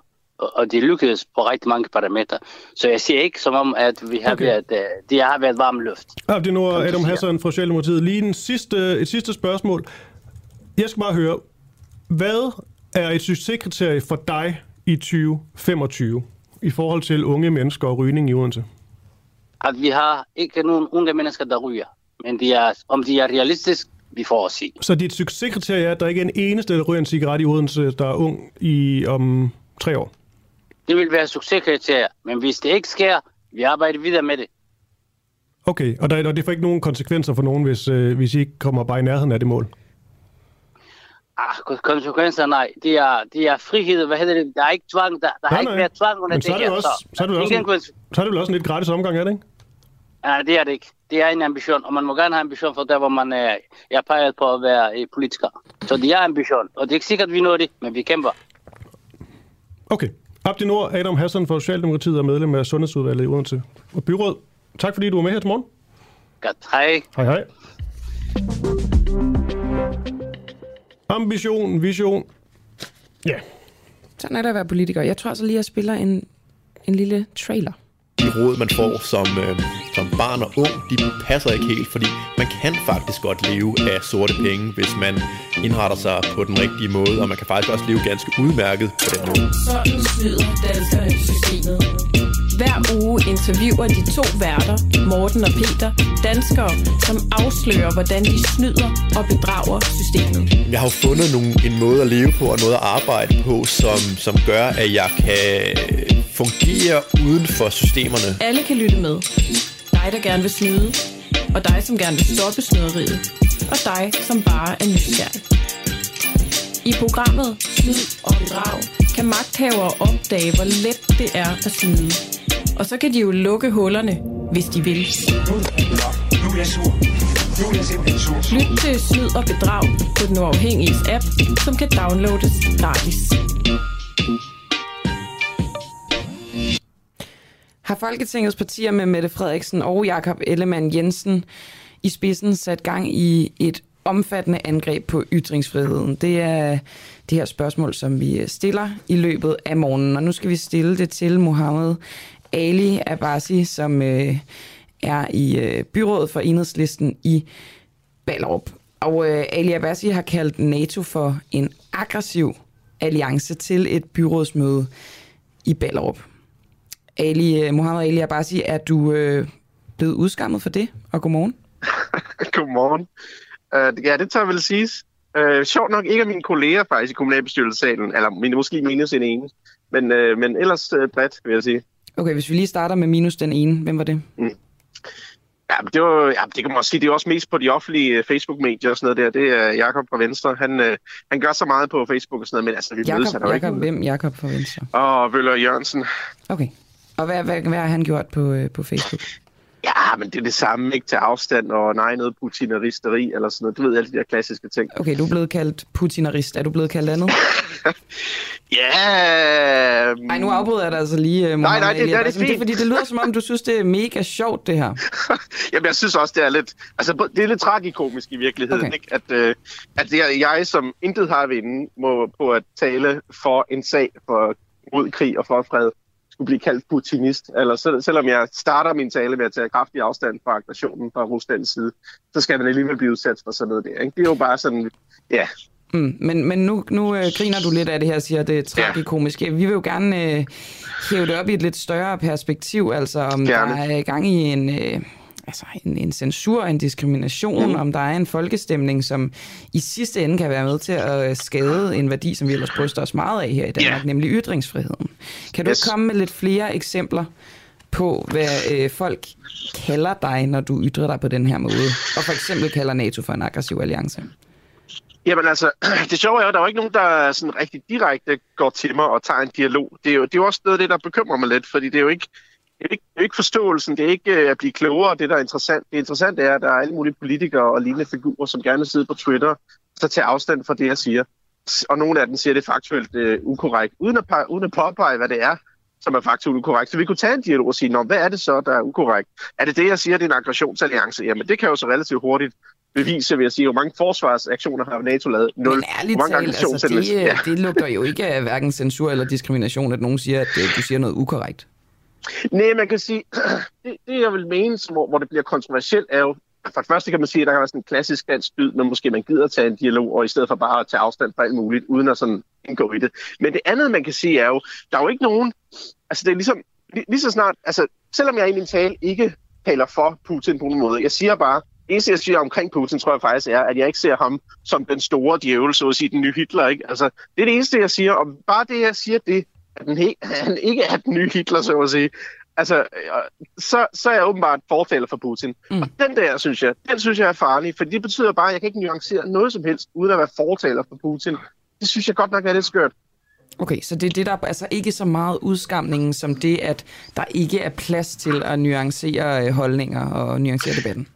Ja, og fordi, altså man kan sige, udskamning, så længe det foregår på Twitter, altså skal jeg nok overleve det. Altså det er jo lige meget, hvor mange mennesker tager afstand fra mod Twitter. Det er faktisk ikke så meget et spørgsmål ja. om, hvad du kan tage. Det er mere et spørgsmål om, mm. det finder sted. Altså, hvad er den værste form for udskamning, ja, du har prøvet? Hvad er det værste, du er blevet kaldt? Det er altså, for at danne et overblik over, hvad man bliver udsat for, oh, når man ja, okay, okay, okay. en altså, jeg vil sige, jeg, jeg, jeg tænker jo ikke så meget over det sagt. Jeg har været politiker i Gåsøren i mange år. Jeg startede min karriere i kommunalbestyrelsen selv i, i i 14. Altså, så jeg har oplevet lidt af hver, men, men, men jeg, jeg har da fået sure mails, hvor jeg er blevet kaldt alt muligt skidt og, og kaldt... Øh, Ja, mange grimme ord, jeg ikke vil udtale her på radioen. Altså, men, det. men det, har det, faktisk... det er for at få et overblik over det, simpelthen. Ja, selvfølgelig, selvfølgelig. Jamen, det har jeg faktisk ikke tænkt særlig meget over. Uh, lige så snart den ramte Twitter, den der, så kom der et par mails ind og nogle Facebook Messenger beskeder om, at jeg, jeg skulle dø en forfærdelig død og sådan noget der. Okay. Og det, men det, det er sjovt, du siger det, fordi jeg har fuldstændig glemt det. Uh, Ja, ja, men det er jo, altså, der er jo andre ja. end dig, der måske ikke ville glemme at Ja, selvfølgelig, grine selvfølgelig. dødstrusler på den måde.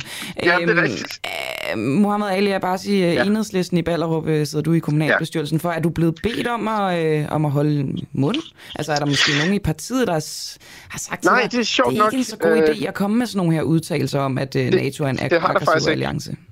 Det har der faktisk ikke været, og det har været ret positivt over, fordi jeg var lidt bekymret for, at der var lige nogen fra, ja, fra Folketingsgruppen eller hovedbestyrelsen, nogen, der ville ringe og sige, at ja, det er smart, du udtaler dig på den måde. Hvorfor var men du bekymret har for der det? Ja, ja, bare fordi det ville være en dum situation, fordi øh, jeg, jeg tager ikke positivt imod den slags uh, censurforspørgsler. så det skete ikke heldigvis. Mm. Er der andre, der har oplevet det? Uh, ikke af dem, jeg kender fra mit parti, skal det siges. Uh, ja, og jeg kender jo ingen andre, uh, som udtaler på den måde, som jeg har, desværre. Alright. Øhm, til sidst, Mohammed Ali, jeg bare sige, øhm, hvem skal beskytte os mod Putin, hvis ikke øh, NATO skal gøre det?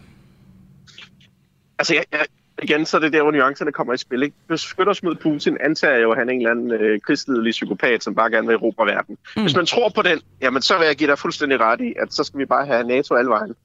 Den, den køber jeg ikke 100%, skal det siges. Ja, og det kan jeg jo ret nemt sige, fordi hvis man ser på, hvordan, de har, hvordan Rusland har ageret i forhold til de internationale traktater, der har været, øhm, der er det USA, der altid har trukket os ud. Hvor Pu- Putin, hvis man kan sige det sådan, han har faktisk kæmpet for, at vi skulle blive de traktater, som kunne have hjulpet med, ikke at vi skulle opruste alle vejen. Og man kan så sige, hvis vi kunne tage den og sige, jamen, kære Putin eller kære Rusland, hvis, øh, hvis I bliver ved med det her, så opruster vi. Og så bruge den anledning til i virkeligheden at nedruste os alle sammen. Det er lidt det, jeg, jeg vil arbejde for. Altså, fordi det kan man jo sagtens. Der er ingen Så, tvivl så om, du at mener Rusland... faktisk, at NATO har provokeret Putin til, og altså, du, du er vel enig i, at han er, i, er gået ind i Ukraine og invaderet den? Ja, ja, det kan man Det ville være mærkeligt at afvise. Okay, bare lige for at, at have det Ja, på det selvfølgelig. Men du mener, ja. at det er NATO's øh, aggressive adfærd, som har presset ham til det? Ja, og igen, man skal jo passe på, hvordan man formulerer sig her. Ikke? Altså, der er ingen tvivl om, at han ser det sådan. Og det er jo det vigtigste, kan man sige. Fordi hvis han ser det sådan, og hvis Rusland ser det sådan, jamen, så agerer de efter det. Så kan vi to sagtens sidde, og andre i Danmark sagtens sidde og have diskussion om, at det er måske se spøgelser og sådan noget der. Ikke? Men, men hvis, de, hvis de ser det sådan, og igen, stater ser ting på sjove måder. Altså, var, var det ikke så længe siden, at USA invaderede Korea, og jeg ved ikke hvad, fordi de tænkte, at hvis bare kommunismen får fat et sted, så er verden dødsdømt. Ikke? Altså, så, så stater agerer på sjove måder nogle gange, øh, tragiske måder. Det samme gør Rusland lige nu. Så hvis jeg må spørge dig her til sidst, øh, Ja. hvis vi snakker hønnen og ægget i den her konflikt mm. imellem øh, Vesten og, og Rusland, ja. hvem kom først? jeg, jeg, jeg, men, hvis du skal have noget kontroversielt med, så vil jeg da sige, jamen, jeg vil da sige, at Vesten kom først med at skabe en farlig situation, men selvfølgelig skal vi sige, det, det gør stater nogle gange. Det er ikke det, vi skal tage afstand fra nødvendigvis. Mm. Det, vi skal tage afstand fra, det er de militære aktioner, fordi det er der, vi må sætte vores, vores røde linje, så at sige, den overskrider du ikke, og den har været overskrevet nu. Tak for det, Mohammed Ali er bare sige medlem Velbekomme. af Ballerup Byråd for Enhedslisten. Oppositionen i Folketinget er afgørende for demokratiet. Det glemmer mange, men vi husker det på den uafhængige. Derfor giver vi en fremtrædende oppositionspolitiker en mikrofon og et studie hver uge. Lige nu er verden blå, men hvis magten skifter, bliver verden rød. Lyt til oppositionen på den uafhængige app, som kan downloades gratis. Ja, og klokken er blevet 11 minutter over 8. Du lytter til en uafhængig morgen med mig, Christoffer Lind og Camilla Boraki. Og ja, det var et af de af flere programmer, vi har lanceret her for, for nylig. Det er simpelthen bare ind og støtte den uafhængige. 59 kroner om måneden, så øh, bliver medlem. Og i starten der var det jo meget noget med ligesom at, at gøre det for at støtte op om et øh, godt uafhængigt medie. Men nu er der jo rent faktisk en masse unikt indhold, som man kun kan få adgang til, hvis man er medlem. Der er sådan nogle gode programmer, der bliver sat i søen de her, de her dage, så det er bare ind og... Man får noget for pengene, simpelthen. Det må sige. Jeg har lige en enkelt øh, nyhed, Camilla, som tækkede ind i går. Ej, må jeg ikke lige sige, at man går ind på www.duah.dk. Så kan man blive medlem. Ja, og det var en nyhed, der tækkede ind i går aftes. Cecilie Lonning Skovgaard, hun trækker sig som beskæftigelses- og integrationsborgmester i København. Hun skriver på sin Facebook-side, det gør jeg, fordi de mange negative pressehistorier i de seneste måneder skygger for partiet og for muligheden for at føre borgerlig-liberal politik i København. Det ønsker jeg ikke, lyder det i det her opslag.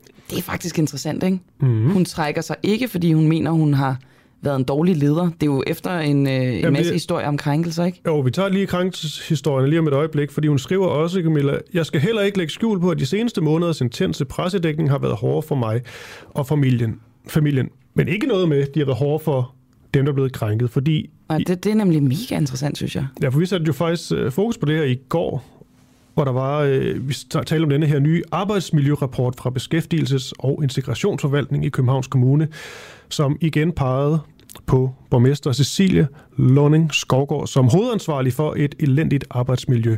Og bare lige for nogle tal her. 24 ud af 188 adspurgte medarbejdere i øh, hendes forvaltning svarede ja til, at borgmesteren eller den øvrige politiske ledelse har krænket dem mindst én gange de seneste måneder. Så vidt vi forstod, der her tale om øh, verbale krænkelser. Ja. Højtal. Meget høje tal. Øh, også de højeste, som, øh, som dem vi talte med i går, havde, havde mødt. Men ja, okay, det kan godt være, at jeg ruder lidt meget rundt i det, men jeg kunne nogle gange godt ønske mig, at sådan en som Cecilia Lonning Skovgaard, hun bare skrev, jeg har været røv dårlig til mit arbejde. Mm. Og derfor trækker jeg mig. I stedet for sådan, den her intense pressedækning, den skygger for det, vi gerne vil gøre. Altså, Ja. forstår du, hvad jeg mener? Ja, Det virker, ja, men hun vil også gerne have et job bagefter. Det er rigtigt, men er anerkendelse og erkendelse ikke den første, det første skridt på vejen til at blive bedre? Jeg ved det ikke. Det er det sikkert. Vi ved jo så heller ikke helt, hvad der er sket. Det er rigtigt. Men det er, øh, det er nogle meget, meget høje procenttal. Vi var faktisk en med i går, øh, Camilla, Camilla Gregersen, øh, som fik sagt, at var det, var det de højeste procenttal i forhold til krænkelser inden for sådan en forvaltning her? Ja, hun, ja, hun var for Akademikernes Fagforening. Ja, øhm, ja det, ved, det ved jeg ikke. Altså, jeg, jeg synes jo, at øh, Cecilia Lonning- Lonning Skovgaards udtalelser har sådan bekræftet, at hun i hvert fald godt kan genkende, at der har været noget i, øh, i hendes øh, forvaltning. Ikke? Okay, ja. Nå, hun bliver øh, erstattet af Jens Christian Lytgen, øh, som vi prøver at få på her til morgen. Han har nemlig kaldt det modigt, at hun trækker sig, og det, det vil jeg egentlig gerne tale lidt med ham om. Alright. Splitter krigen i Ukraine den øh, russiske befolkning? For det der er, og som man måske har lidt en tendens til at glemme, det er, at russerne selvfølgelig også har forskellige holdninger til denne her invasion. Vi taler nu hurtigt med Emil Rotbøl, som er Ruslands korrespondent for Berlinske, og lige nu er i, øh, i Danmark. Og Emil, er der flere russere, der går ind for krigen, end der er russere, som er imod? Godmorgen. Godmorgen. Godmorgen. Nå, fik du spørgsmålet? Det går du måske ikke. Jeg fik, jeg fik den første halvdel af spørgsmålet. Okay, så får du lige hele spørgsmålet, så det giver mening. Jeg spurgte simpelthen bare, er der flere russere, der går ind for krigen, end der er russere, som er imod? Bare sådan Jamen helt, øh, altså helt firkantet, så vil jeg sige, at der er flere, der går ind for krigen, end der er imod. Øh, øh, der er faktisk kommet nogle øh, målinger her, øh, som er lavet efter krigen, øh, som er lavet af de, de statslige meningsmålingsinstitutter, som, som viser, at der er sådan, et, faktisk et voksende flertal. Øh, altså de har målt lige efter krigen øh, brød ud, øh, eller Rusland invaderede, og så er de målt her øh, øh, efter nogle uger. Og der, og der stiger støtten faktisk. Øh, så er der så det her med, om man, øh, om man kan stole på, på de målinger, og hvad det er, russerne siger ja og nej til. Øh, for der er noget med det her, man spørger. Øh, den måde, man spørger på. Øh, og, og den her støtte, den hænger for mig at se sammen med, at russerne ikke, altså, hvad skal man sige, generelt set, så, så, vil de, så foretrækker de at tro, at de ikke er i krig, men det er den her specialoperation, som, som Putin kalder det. Man må jo ikke kalde det krig i Rusland, øh, så det gør, det gør de, de medier, der er tilbage, ikke. Øh, Så de, så de foretrækker at se det på, sådan, øh, på det som, som sådan en klinisk operation, hvor de bare går efter øh, militærbaser og så videre, og, og gør alt, hvad de kan for ikke at ramme civile ukrainer og sådan, ikke? Så, så når, når russerne støtter krigen, så, så skal man tage det med, med det grænsalt, Altså, de støtter, de støtter det, de får fortalt i hvert fald, ikke? Okay. Et spørgsmål, Emil Rotbøl, som øh, det går jeg ud fra, er utroligt svært at svare på. Også med de, øh, de kilder, vi ligesom har til rådighed. Men ved du, om der er russere, der er nok nogen, men er der, er der mange russere, lad os sige sådan, der er for Putin, men er imod krigen? Øh, det, øh, det ved jeg simpelthen ikke. Det, jeg tror, der er et, et, vist sammenfald, når man ser på procentsatserne. Øh, altså, at øh, støtten til Putin, den er også vokset her i perioden op til krigen. Den er på øh, faktisk over 70 procent nu, hvilket er det, det højeste i overvis. Og det er nogenlunde den samme procentsats, som siger, at de støtter den her specialoperation. Øh, så, øh, så på den måde, så må man jo antage, at der er et vist sammenfald, men om det præcis er de samme mennesker, det, det tør jeg simpelthen ikke sige. Okay. Vi har jo set meget øh, med de her øh, demon- demonstranter, som øh, demonstrerer mod Putins krig i, øh, i Ukraine. Vil du først og fremmest, Emil Rotbe, lige fortælle, hvor mange og hvor store demonstrationer der egentlig er tale om? For jeg synes, det kan være svært at vurdere ud fra sådan et eller andet, der bliver spredt på øh, Twitter eller Instagram eller et eller andet. Altså, øh, hvor store og massivt det egentlig er. Jamen, altså, vi ved, at der er flere end 15.000 mennesker, der er blevet anholdt. Altså, det siger i sig selv noget om omfanget. Ja. Og vi ved også, at de er blevet anholdt i øh, mere end 140 byer. Så det siger også noget om bredden i det her. Altså, det ikke kun er i Moskva og i St. Petersborg, og, hvad skal man sige, de store russiske byer, at der er folk, der går på gaden og, og demonstrerer. Det, det sker ret bredt. Altså, øh, 140 øh, forskellige byer, det, det er flere, end, end der plejer at blive anholdt til sådan nogle øh, Navalny-demonstrationer, øh, eller plejede. Øh, så, så, så det er en, altså det taler for en ret bred modstand. Øh, samtidig må vi jo antage, at der er øh, mange, mange flere, der ville gå på gaden, øh, hvis ikke de var øh, hvis ikke risikoen var der for at blive anholdt. For lige nu, hvis du, hvis du folder et, øh, et blankt stykke papir ud øh, og stiller dig på en, på en plads, øh, og ikke siger et ord, øh, så risikerer du, eller så, altså, så er du i overhængende fare for at blive anholdt. Ja. Det, har vi set, det har vi set mange eksempler på. Så det må vi jo anse, det er der mange, der ikke er der ikke er villige til, altså selvom de havde lyst til at protestere mod krigen, så er de ikke villige til at bare at blive anholdt øh, øh, og, og, ja, for ingenting i virkeligheden. Ja, vi har faktisk også før talt med en øh, bosat i Sibirien, ikke? Jo. Som, øhm, som, jo, ja, som jo netop sagde, at øh, hun ville rigtig gerne demonstrere, men hun turde altså ikke, før de ligesom var samlet mere end bare 20 personer, fordi så bliver det simpelthen fornemt at sætte, øh, sætte dem i spillet, og det var med for stor øh, risiko. Men vil du vurdere, Emil Rotbøl, at de her demonstrationer har en størrelse, der gør, at vi godt kan tale om, der er nogle markante interne stridigheder i, øh, i Rusland? Der er helt klart en stridighed i gang. Øh, det ser vi også øh, for, for de beretninger, der, der, der kommer frem. Øh, vi ser det også med, med hende her, journalisten, der stiller sig frem på Kanal 1 med, med, med et skilt og, øh, og siger, de lyver for jer her på, på Stats TV. Mm. Øh, vi har også, vi har også et par enkelte øh, sådan markante stemmer, som udtaler sig imod krigen, som er meget påpasselige med ikke at udtale sig imod Putin, men imod krigen. Altså nogle af, nogle af oligarkerne, øh, Deli Paska, som er en af de, de, de store, øh, men også sådan en... Øh, måske lidt mere ukendt i Danmark, men formand for Skakforbundet, det internationale skakforbund. Øh, han er sådan en, han er sådan en øh, gammel økonomisk rådgiver for øh, øh, øh, Kreml og for øh, den russiske regering gennem, gennem 10 år. Og han har nu været ude og sige, at, at han er, er stærkt imod øh, alle krige, og især den her krig. Øh, og det sgu ret... Øh, altså det vidner om, at der er en splittelse, som, øh, som vi nok ikke ser det fulde omfang af. Men vi skal ikke gå og tro, vi skal ikke gå og tro, at der er et flertal, som øh, er imod krigen. Altså det, det, det tror jeg godt, vi kan se lige nu. Hvordan har opbakningen i Rusland egentlig været til hende her øh, tv-produceren øh, Marina Oshyvanikova? Jamen det er jo altså, alt, lige så snart der sker et eller andet som det der, eller øh, det med børnehospitalet i Mariupol, altså så går hele den der propagandamaskine i gang, og så går der... Øh, øh, så går der meta og fake og alt muligt. Så, altså, jeg tror ikke, russerne er enige om, hvad der er sket med hende der. Altså, om det var noget, som, som der var ligesom øh, nogen, der havde fundet på, om det hele var øh, påduttet. Øh. Så, så altså, det bliver enormt mudret øh, hurtigt, fordi der kommer de der forskellige fortællinger ind over, hvad er det faktisk, der er sket.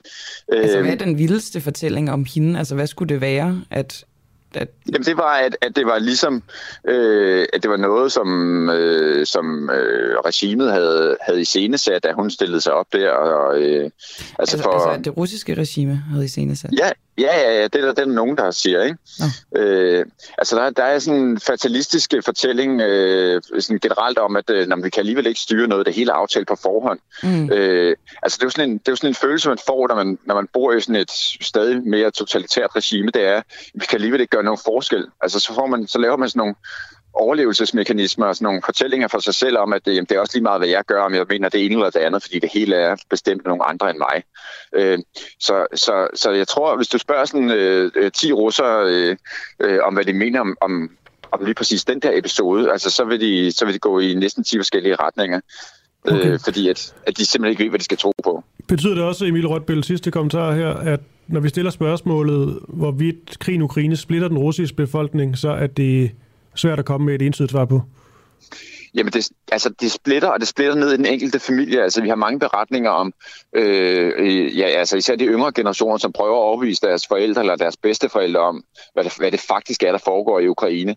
Og, og mange gange så er det som at slå i en dyne. Ja. Øh, så, så vi ved, at der er den der splittelse. Men det er ikke sådan en 50-50 splittelse, hvis det er det, man, øh, hvis det er det, man tror. Okay. Øh, Ja, men jeg tror, men jeg tror, hvis jeg lige må sige en sidste ting, altså jeg tror også, at den splittelse kommer til at vokse, når det ligesom med tiden går op for dem, hvad det er, der faktisk foregår, hvor mange civile, der faktisk dør i Ukraine, og hvor mange almindelige øh, menneskers liv, der ligesom bliver revet op med rode. Øh, fordi det tror jeg ikke, at russerne øh, støtter, hvis man spørger dem mere ærligt. Okay, vi får se Emil Rotbøl, Ruslands korrespondent for Berlingske. Tak fordi du var med her til morgen. Ja, selv tak. God dag. Ja. Først så øh, var der rumkapløb imellem øh, USA og Rusland, og øh, de seneste to årtier, så har Rusland og USA samarbejdet rimelig meget i fred og fordragelighed om den internationale rumstation. Men hvordan øh, påvirker den her krig i Ukraine Ruslands rummissioner? Øh, mens store dele af verden fører sanktioner imod Rusland, så tror Rusland selv med at trække sig for flere missioner – i rummet. I en øh, række forskellige tweets, der tror chefen for det russiske rumagentur nu med at trække Rusland ud, og måske lige frem at nægte at bringe en amerikansk astronaut tilbage til jorden. Det skriver i hvert fald politikken tilbage den øh, 11. Marts. Og nu skal vi snakke med John Leif Jørgensen, som er professor og øh, Head of Measurement and Instrumentation ved DTU Orbit. John Leif, øh, hvordan øh, påvirker krigen i Ukraine missioner i rummet? Og godmorgen. Han er ikke på, for jeg at vide. John Leif er ikke på endnu. Hvorfor så? Hmm. Så kan vi til gengæld sige, at vi har vi... fået øh, Jens Christian Lytten på 58. Det er altså ham, der overtager som øh, beskæftigelses min, øh, borgmester selvfølgelig i Københavns Kommune fra Cecilia Lønning Skovgaard, efter at øh, hun i går måtte trække sig fra posten efter den her undersøgelse om et øh, krænkende og dårligt øh, arbejdsmiljø i forvaltningen. Ja, Cecilie Lønning Skovgaard trækker sig altså som beskæftigelse- og integrationsborgmester. Og vi har så aftageren på, og det er jo meget interessant, hvad han har at sige, hvordan han vil gøre det. Også fordi han kalder øh, hendes tilbagetrækning for modig. Det, er, øh, det har jeg sådan været lidt optaget af. Nå, nu skal vi snakke med John Leif Jørgensen om øh, rummet. Hvordan påvirker krigen i Ukraine øh, missioner i rummet? Og godmorgen. Ja, godmorgen. jo, øh, det, det, det afhænger lidt af, hvor man, øh, hvor man kigger hen. Ikke? Altså, generelt set, så er det, det, det er jo Rusland og Ruslands bidrag til, hvad der foregår i rummet, som er det store problem. Og der er, Rusland deltager jo øh, ikke i så forfærdeligt mange internationale missioner. Og det er faktisk mange år siden, at russerne har haft et en intensivt arbejde med Vesten på okay. de vestlige missioner. Så det gør det ikke så ondt. Det sted, hvor det gør allermest ondt, det er faktisk den internationale rumstation, som øh, jo har cirka en tredjedel af, hvad der er deroppe i øjeblikket, øh, som bidrag fra øh, det gamle USSR og sidenhen Rusland. Men hvordan sådan helt konkret, altså vi har den her internationale rumstation, som vi så er fælles om, blandt andet med Rusland, men hvis de ikke vil være med mere, ja, hvad, hvad betyder det, det, det så konkret? Ja, altså der, der, er jo, der er jo to sider i det. Den, øh, den ene side er, at øh, selve ISS øh, har jo typisk seks astronauter ombord. Øh, på, til, altså, nogle gange er lidt flere, hvis der lige kommer et nyt hold op. Og den internationale rumstation. Ja. ja. Og, øh, ja, og øh, det, det, når, når så der kommer et nyt hold op, selvfølgelig, så tager der et andet hold ned. Øh, men typisk er der seks mand eller damer, som arbejder deroppe, og herude er det typisk to russere, det, altså en tredjedel cirka. Ikke? Og det, det arbejde, de udfører, er jo er dels at være vedligeholde rumstationen, og dels er, det et, er det jo også at lave nye eksperimenter, men vi laver en hel del eksperimenter ombord på øh, stationen. Og øh, hvis russerne trækker sig ud der, så er det selvfølgelig kommer man jo til at mangle deres arbejdskraft. Det tager lang tid at træne astronauter, så hvis de gør det så meget pludselig, kan det godt blive svært at få uddannet specialister. Det tager typisk et år at uddanne sig til den specialfunktion, man skal lave oppe på øh, stationen.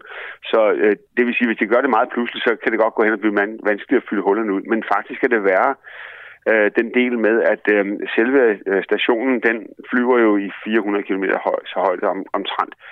Øh, lidt op og lidt ned, og hvad hedder det, og øh, den, det, det er der faktisk så meget atmosfære, at man taber et øh, par kilometer øh, i højde om måneden, og det skal erstattes øh, af, man bruger nogle raketter til at løfte banen op igen.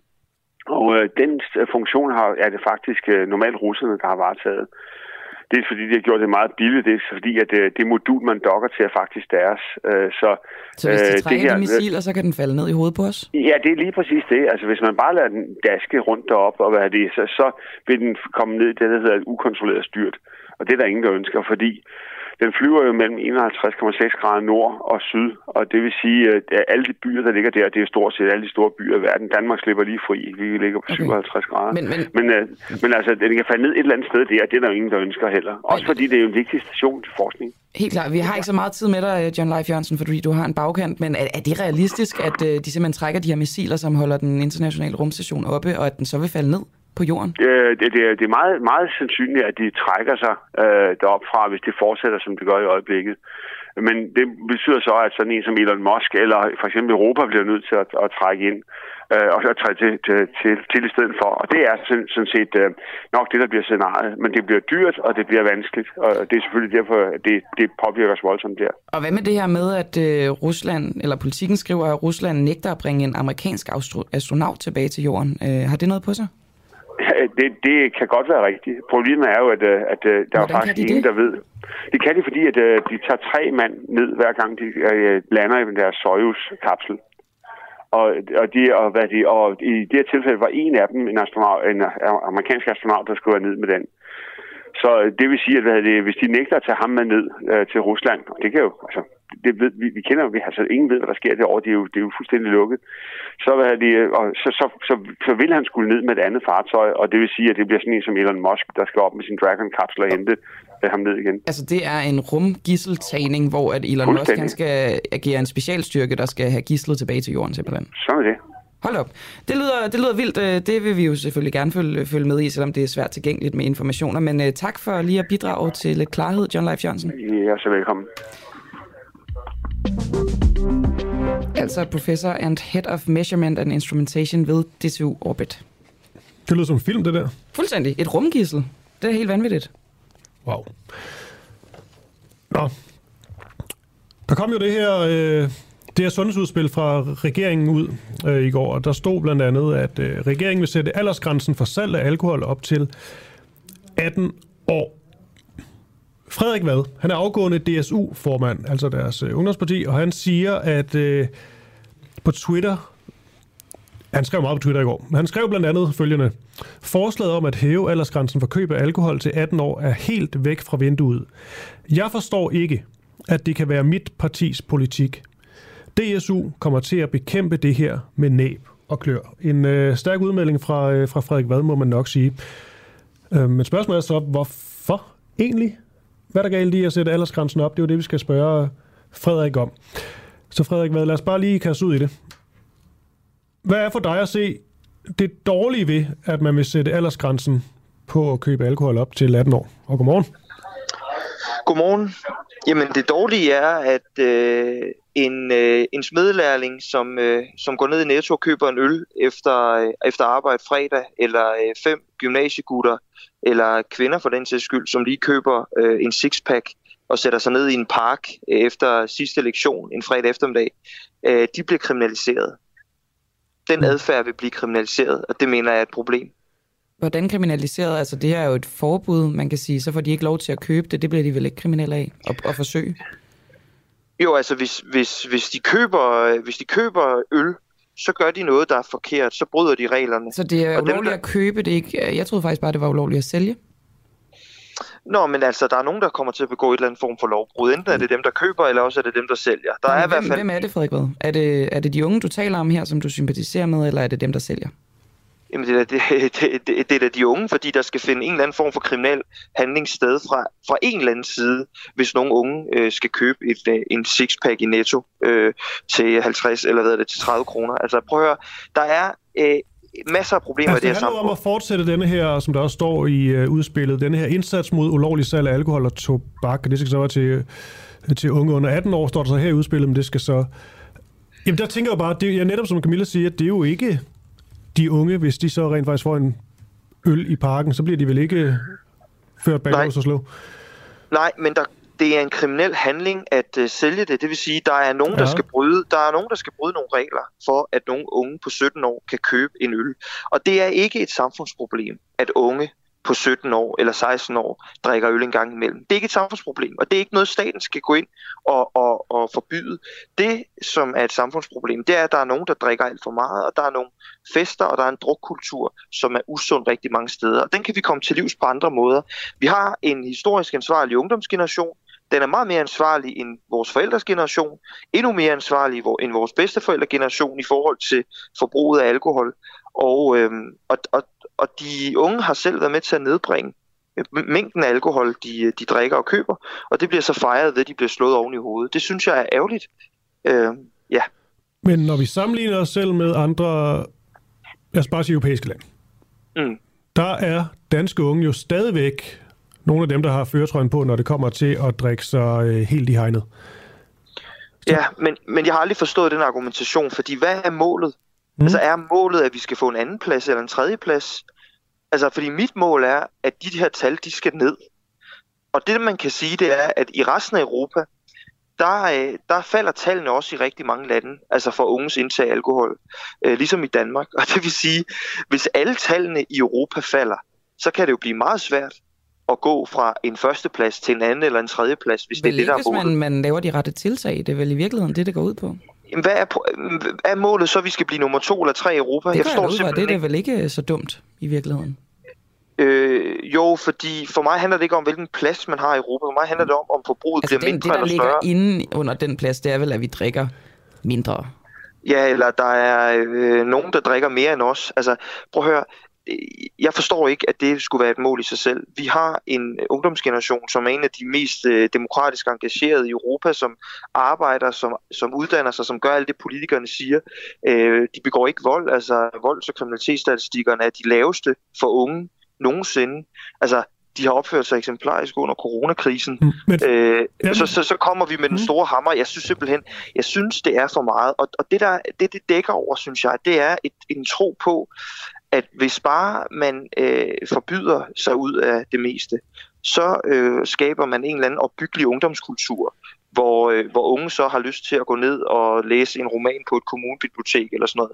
Altså, det, det, det, jeg synes bare, det er så langt væk fra vinduet. Men har det også noget at gøre, det her, Frederik, været med, at øh, du dybest set heller ikke synes, det her med, at unge fester og drikker i Danmark er noget sådan kæmpe problem? Jo, der er der enorme problemer. Altså, der er der masser af unge i weekenden, der bliver kørt til udpumpning. Der er der masser af unge, som har et meget, meget usundt forhold til alkohol. Der er der også rigtig mange unge, der føler sig presset til at drikke, selvom de ikke har lyst til det. Og det skal vi gøre noget ved. Altså, og, og, det, men, og jeg har også masser af forslag på vegne af DSU til, hvad vi kan gøre. Men, men, men, men at sige, at alle 17-årige, der køber en sixpack øh, en fredag eftermiddag sætter sig ud i solen med sine venner, at det er, det er et problem. Øh, det, det synes jeg simpelthen er forkert. Okay. Handler det... Så det handler primært om det med, øh, med denne her aldersgrænse? Ja, det, det er, at du, du, du skærer alle over en kamp. Altså, du siger ligesom, ja. at øh, alt er et problem. Både dem, der køber en øl en gang imellem, og dem, der kampdrikker det hele er noget, vi, vi skal stoppe. Og det synes jeg bare er forkert. Og jeg synes, at, at øh, slet ikke at unge får nok anerkendelse for, at de faktisk er lykkedes med at nedbringe an, øh, øh indtaget af alkohol kraftigt over de sidste 10-15-20 år. Okay. Hvad synes du egentlig om den idé så i samme sundhedsudspil øh, om, at øh, personer født fra 2000, efter 2010 øh, slet ikke må købe eller ryge en cigaret, det kan jeg forstå. Jamen det er jeg sådan set mere åben overfor, eller det er vi sådan set mere åben overfor, fordi der har du et problem, der er voksne. Altså du har flere unge, der starter med at ryge, og du har øh, flere og flere unge, der bruger andre nikotinprodukter, f.eks. de her nikotinposer. Der har du et problem, der er i vækst. Og i øvrigt så mener jeg heller ikke, at man kan, kan sammenligne øh, øh, øh alkohol og, og, og cigaretter på den måde.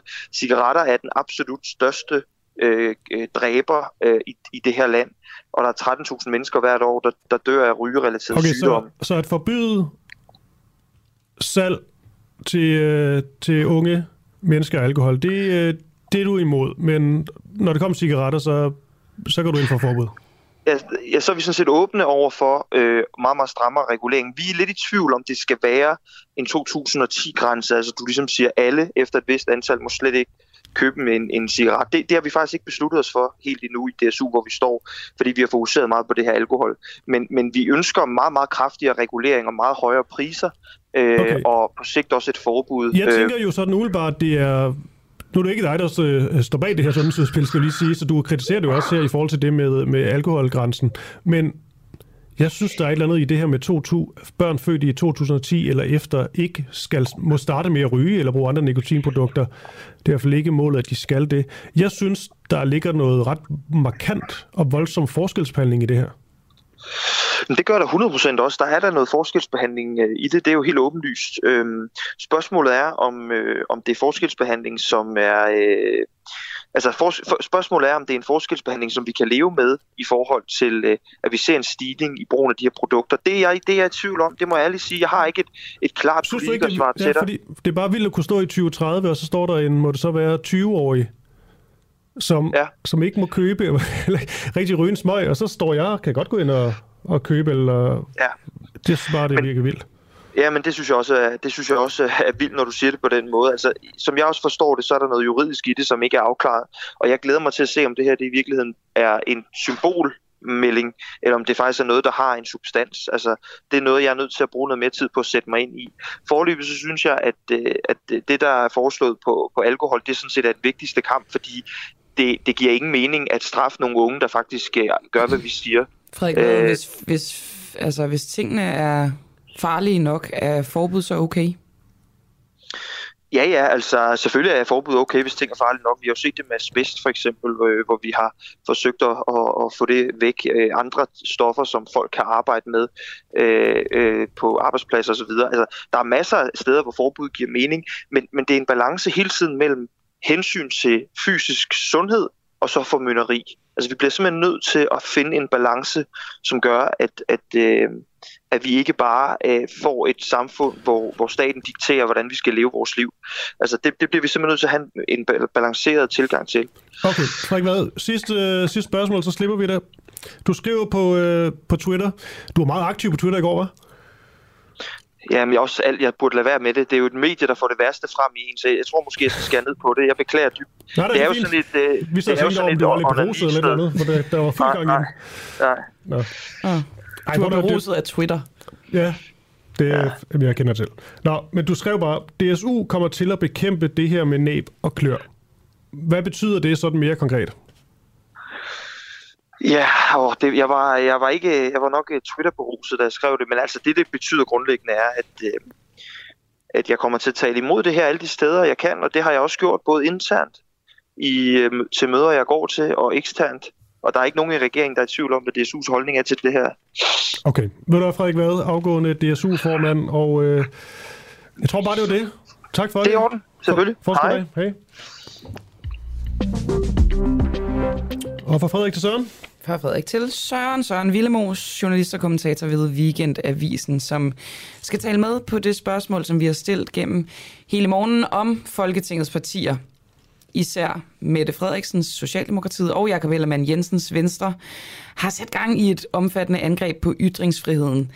Blandt andet ved at øh, støtte op om øh, det her boykot af de to russiske mm. statsmedier, som hedder Sputnik og Russia Today. Det er jo noget, de, øh, det er jo en EU beslutning, et EU-forbud, som, øh, som de altså støtter op om. Og det, øh, jeg vil sige det sådan her, jeg har snakket en del med Kasper Sankjær, som er medieoverfører i Socialdemokratiet om det. Han nægter jo at kalde det censur, fordi han mener, at de to statsmedier ikke kan kategoriseres som medier, fordi det øh, udgyder propaganda.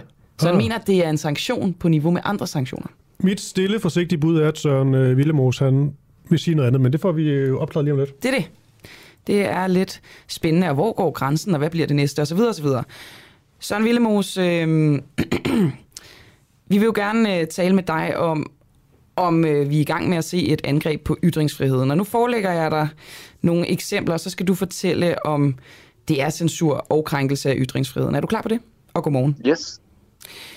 Efter ordre fra Horsens Kommune fik to russiske kunstnere aflyst deres udstilling på Horsens Kunstmuseum. Det var sådan noget porcelænskunst, så vidt jeg er orienteret.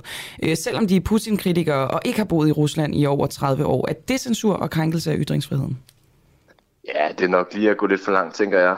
Øh, jeg synes, altså det giver jo fin mening, at man vil boykotte russiske, den russiske stat og institutioner, der har der på en eller anden måde forsvarer Putin øh, her i krigen, men altså at ramme en anden helt tilfældig russisk potte med, at det lyder, det lyder grangivligt, som om man er gået lidt for langt. Så det vil jeg sige ja. Også ærgerligt, for det var faktisk en ret flot fisk. Nå, EU forsøger at afskære øh, vores adgang til Russia Today og Sputnik, de to statsmedier. Er det censur og krænkelse af ytringsfriheden?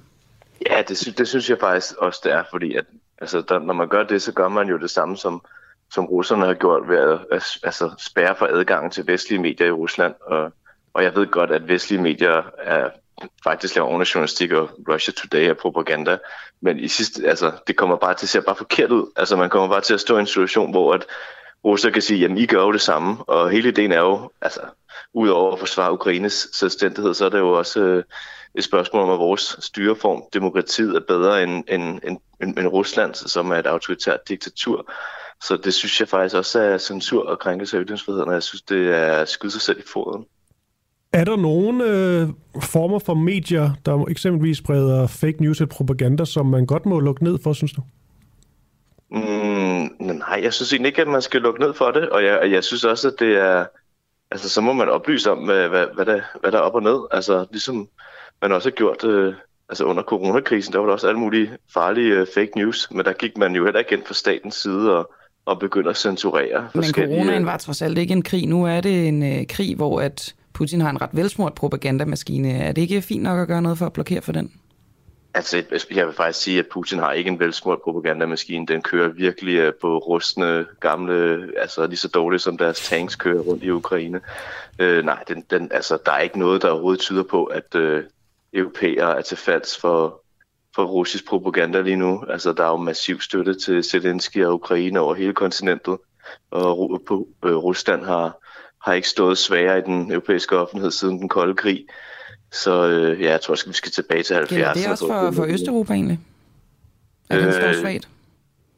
Ja, ja, det gør det da. Han står der enormt svagt. Det eneste sted i Europa, han står nogenlunde stærkt, det er i Serbien, og de er ikke med i EU, så der har det ingen betydning. Øh, så ja, jeg ser det aldeles formålsløst for, uh, censurangreb, som i øvrigt får os til at se rigtig åndssvagt ud. Claus Kellerup fra Danser med Drenge, han er simpelthen blevet fyret fra bandet, ja. på grund af de ting, han har skrevet øh, på Facebook, blandt andet, at øh, russerne bomber intet. Det er de ukrainske nazi-terrorgrupper, der bomber i Ukraine. Det her med, at han bliver øh, fyret fra Danser med Drenge, er det en, øh, også en form for censur?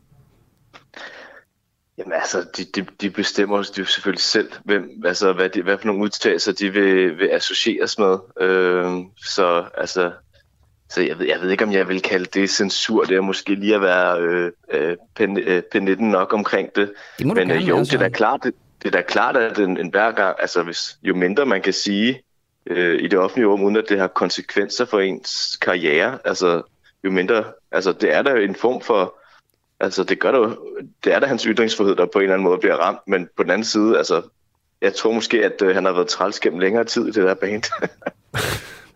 Det, det, skal, det, det skal jeg ikke kunne sige noget. Søren Villemose. Han var også lidt aktiv under corona. Det, ja, det må man sige. Søren Villemose, jeg vil bare lige... Nu fremlægger jeg lige et citat for dig, som øh, Venstres formand, Jakob Ellemann Jensen, han har sagt. Så kan du bare lige erklære dig enig eller uenig i det. Citatet lyder, Ingen handling er for lille, ingen handling er for symbolsk. Jamen, det er jeg sådan set enig i. Ja. Altså, det, kan, det vil jeg da sige. Det synes jeg, der er meget godt sagt. Ja. Hvad så det med at omdøbe Christianiagade ved ambassaden til Ukrainegade? Er det... Jamen altså, det, det lyder da også meget sjovt. Altså, det har, det har virkelig ikke nogen stærke holdninger med den gade. Jeg anede ikke, at der lå en Christianiagade øh, i det nordligste Østerbro. Det var ikke noget, jeg var bekendt med. Jeg kommer ikke så meget af den del af København, men øhm, men det kunne da være meget sjovt. Altså, det, det synes jeg lyder meget sjovt. Det er måske også for at danne os sådan et lidt samlet overblik over, at øhm, så, skal, så skal den russiske ambassade ligge på Ukrainegade. Så er der et afsnit af Masterchef, hvor de laver russisk mad, som bliver taget ned. Så er der de her kunstnere, som bliver fjernet, og så er der de russiske medier, og folk bliver lukket ned, hvis de taler øh, negativt om Ukraine. Søren Vilmos, er du sådan oprigtigt bange for, at vores ytringsfrihed er i fare? Altså, det er jo ikke, altså, i, i og med, at øh, altså, det er jo som det ofte er med ytringsfriheden. Det rammer jo kun dem, øh, en lille minoritet. Altså, det er jo den store, brede majoritets ytringsfrihed er jo næsten aldrig troet. Det er jo netop øh, de afvigerne og de, og de få stemmer, som man har det med at trampe på deres ytringsfrihed. Så det er jo da, det er altid deres, der er troet. Det er jo aldrig det store, brede flertal. Så øh, altså, alle os, som øh, holder med Ukraine imod Rusland, vi vil jo, vores ytringsfrihed er jo selvfølgelig ikke på nogen måde troede. Det er jo den lille afvigende minoritet, der har et, øh, ja, der har et synspunkt, alle vi andre synes er tosset. Det er altid deres ytringsfrihed, det, der er udsat. Men altså, jeg som journalist, for eksempel med de her øh, altså, forbud mod de to russiske medier, jeg kunne ikke lade være med at tænke sådan en klassisk, hvad bliver det næste? Tænker du også det som journalist? Nej, det tænker, det tænker jeg egentlig ikke. Altså, jeg, tænker, jeg tænker bare, at det er... Altså, det tror jeg Jeg tror ikke, at nogen af os andre øh, seriøse medier overhovedet skal være bekymret. Det, det tænker jeg ikke. Men jeg, jeg synes, det er en, en forkert beslutning, og jeg, og jeg, og jeg tror, den, man skyder sig selv i foden. Altså, hele ideen, altså, altså selv under en kold krig, der havde vi, altså tillod vi, vi altså også øh, sovjetiske statsmedier i at, øh, at kunne distribueres i Europa. Så det, jeg synes, det er, en, er lidt af en, altså, det er lidt underligt. Så det er på sådan et, øh, hvad skal man sige, nærmest øh, intellektuelt, akademisk plan, at det er en dårlig idé, ikke på sådan en praktisk plan? Jo, også på en praktisk plan, fordi ja, hvis du står over for en eller anden, en eller anden russer, lad os sige en anden helt, helt tilfældig russer, som, som, har, som uh, har, har boet, i, boet i Rusland og har er blevet fodret med russisk propaganda. Altså hvis du så står og forklarer, at det, prøv at det er faktisk, du lever i et diktatur, og du, de lever bare for dig, og du kan ikke få adgang til en sand information, så kan de kunne sige, jamen altså din egen stat forbyder jo også øh, russiske kilder, så hvad er forskellen? Og så vil du faktisk have lidt svært ved helt at forklare det, fordi så skal du sige, nej, men det er noget helt andet, og mm. det er jo, altså, det, det er bare dumt. Altså, det, det kommer, det er en fuldstændig nyttesløst øh, selvmål. Tak for det, Søren Vilmos, journalist og kommentator ved Weekendavisen, og have en god dag. Yes, tak. Hej igen. Hej igen. Så Camilla Klong er blevet øh, helt præcist 49 minutter og 17 sekunder over 8. Må jeg ikke lige sige noget i henhold til det her med Russia Today og Sputnik? Jo. Jeg har været rigtig forvirret, fordi vi kan jo godt få adgang. Bare lige ved at skrive www.rt.com. Ja herinde, så kan vi komme ind på Russia Today. Så det er sådan, at den her øh, censur overhovedet aktiveret? Ja, for det er jo ligesom, hvis du sådan søger Russia Today på, på Google, så kommer den ikke frem, men, men det er jo meget, meget nemt at finde frem til den. Og derudover, nu har vi jo siddet og læst nogle af de her nyheder, også højt og sådan noget. Jeg tror egentlig, det kom lidt bag på aspekt 2, at de ikke virkede mere sådan. At de ikke er super rabiate. Det sagt, så har vi jo ikke faktatjekket dem alle sammen. Nej, nej, men jeg synes også bare, der var mange nyheder. Eksempelvis stod der øh, var det i går, at der var en Fox News-reporter, som var blevet skudt. Og der var også nogle historier, hvor jeg tænkte, hvis det er ren propaganda, så er det underligt, det at bringe det. Jeg tror ikke, at, det, at man kan sige, at det er ren propaganda, men jeg tror heller ikke, man kan sige, at der ikke er propaganda på de, øh, på de medier. Men jeg snakkede som sagt med øh, Kasper Sankjær, medieoverføreren. Han sagde, at det er faktisk ikke sådan aktiveret, det her forbud helt endnu. Så det er nok stadig lidt op til debat. Så det, øh, det følger vi selvfølgelig også med i. Nu skal vi snakke med Jens Christian Lytten, som altså har overtaget borgmestersædet i beskæftigelses- og integrations... Øh, min, det er jo ikke et ministerie. Hvad hedder det? Altså, Udvalget.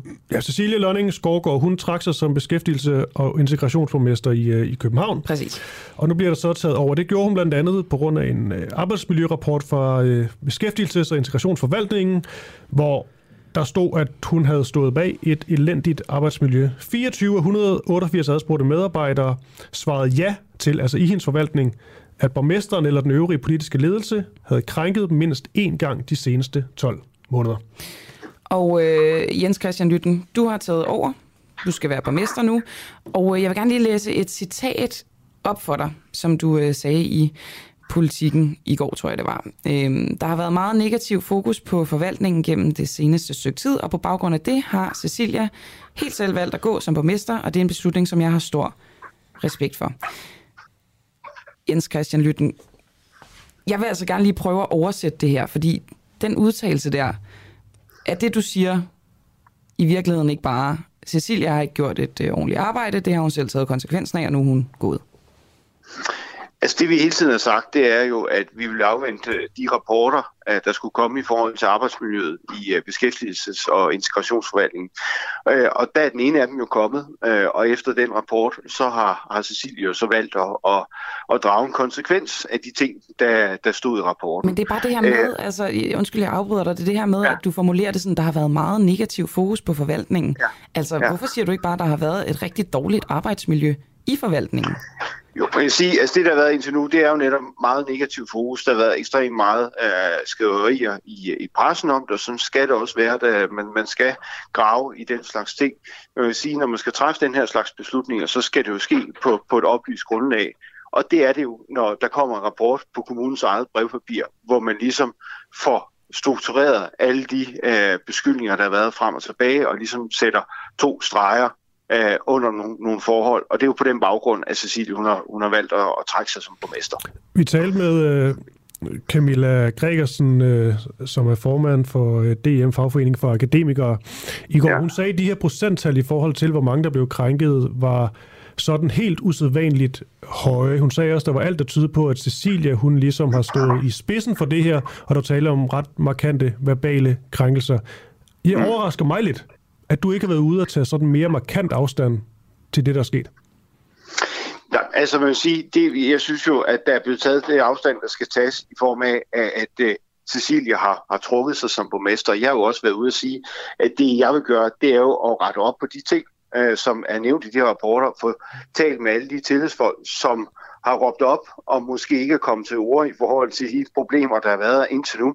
Og det, og det bliver min opgave øh, som borgmester at sørge for at lykkes med den her forvaltning, fordi der, der er nogle meget, meget vigtige opgaver øh, men, i forhold til øh, at sikre arbejdskraft og københavnerne i arbejde, og det kan man kun gøre, hvis man har godt arbejdsmiljø. Men en måde, øh, og det bliver min opgave. Ja, en måde ja. at gøre det på er vel også at tage sådan markant afstand, så medarbejderne føler sig trygge, og nu kommer der en ny ind, som ikke vil gøre det samme, fordi det man jo også kan se i det opslag, hun laver, Cecilia Lønning Skovgaard, hvor hun siger, hun stopper som borgmester, det er, at dybest set skriver hun, at det er ret synd for hende selv. Det har været voldsom pressedækning, det har været hårdt for hendes familie, men der er jo ikke noget med en undskyldning til nogen af de her ofre for de her krænkelser overhovedet ikke.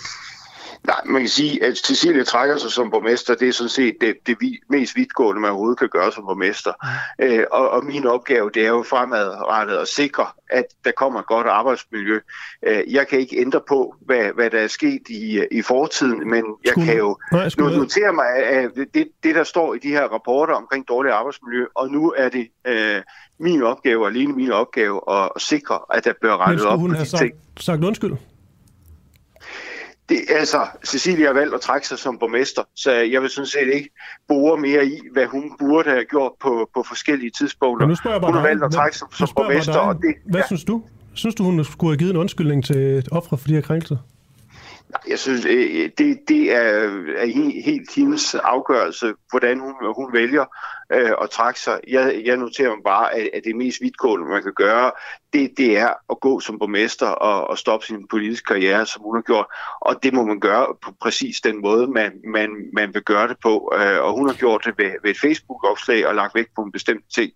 Og, og sådan skal det være. Og på, det, det, det har været hårdt med en intensiv pressedækning. Har hun været en uh, god borgmester, Jens Christian Lytten? Altså, jeg synes, hun har været, været en, en, en dygtig borgmester og også været en, en dygtig leder for, for Venstre i København.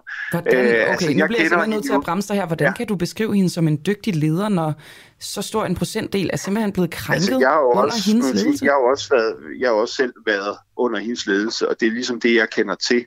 Det er jo at, at være gruppeformand. Du kender vel også til rapporten?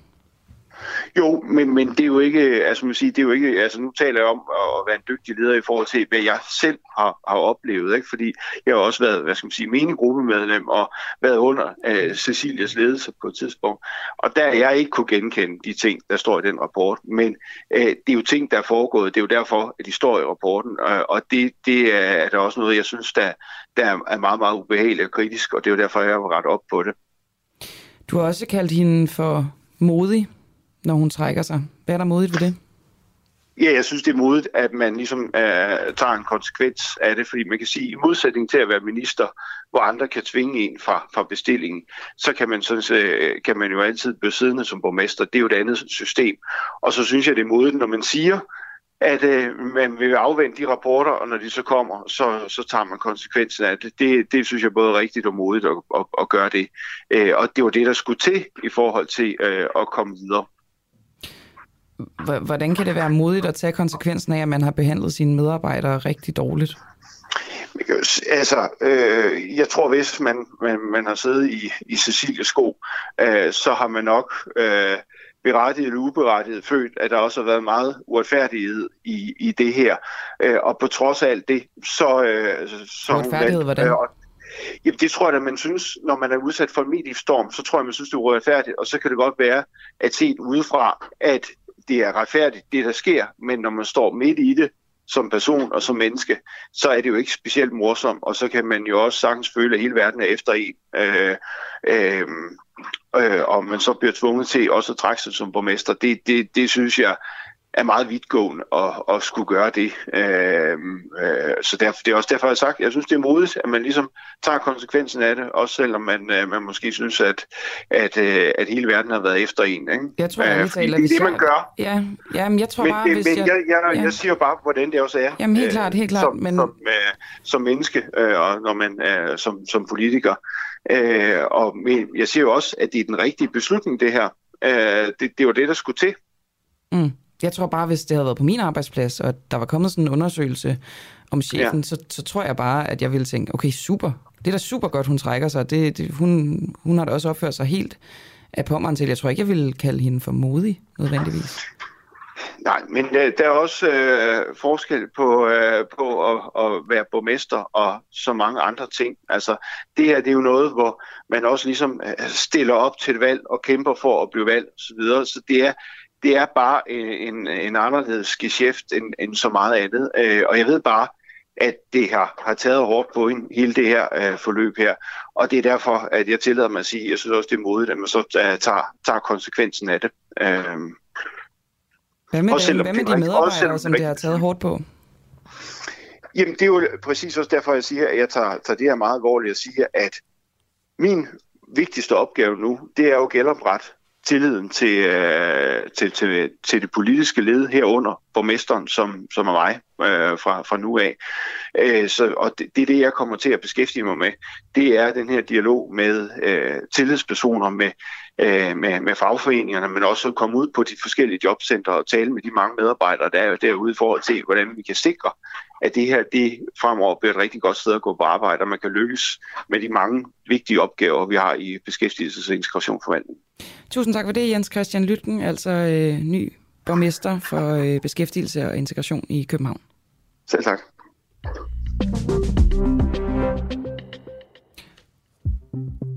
Og så er vi kommet til vejs ende. Mit navn er Camilla Boracchi. Jeg hedder Christoffer Lind. I regien havde vi Barry Vessel. Og hvis du lytter med på appen eller via øh, web, så kommer der et nyt afsnit af programmet Oppositionen med Rasmus Jarlov nu. Vi ses morgen. thank you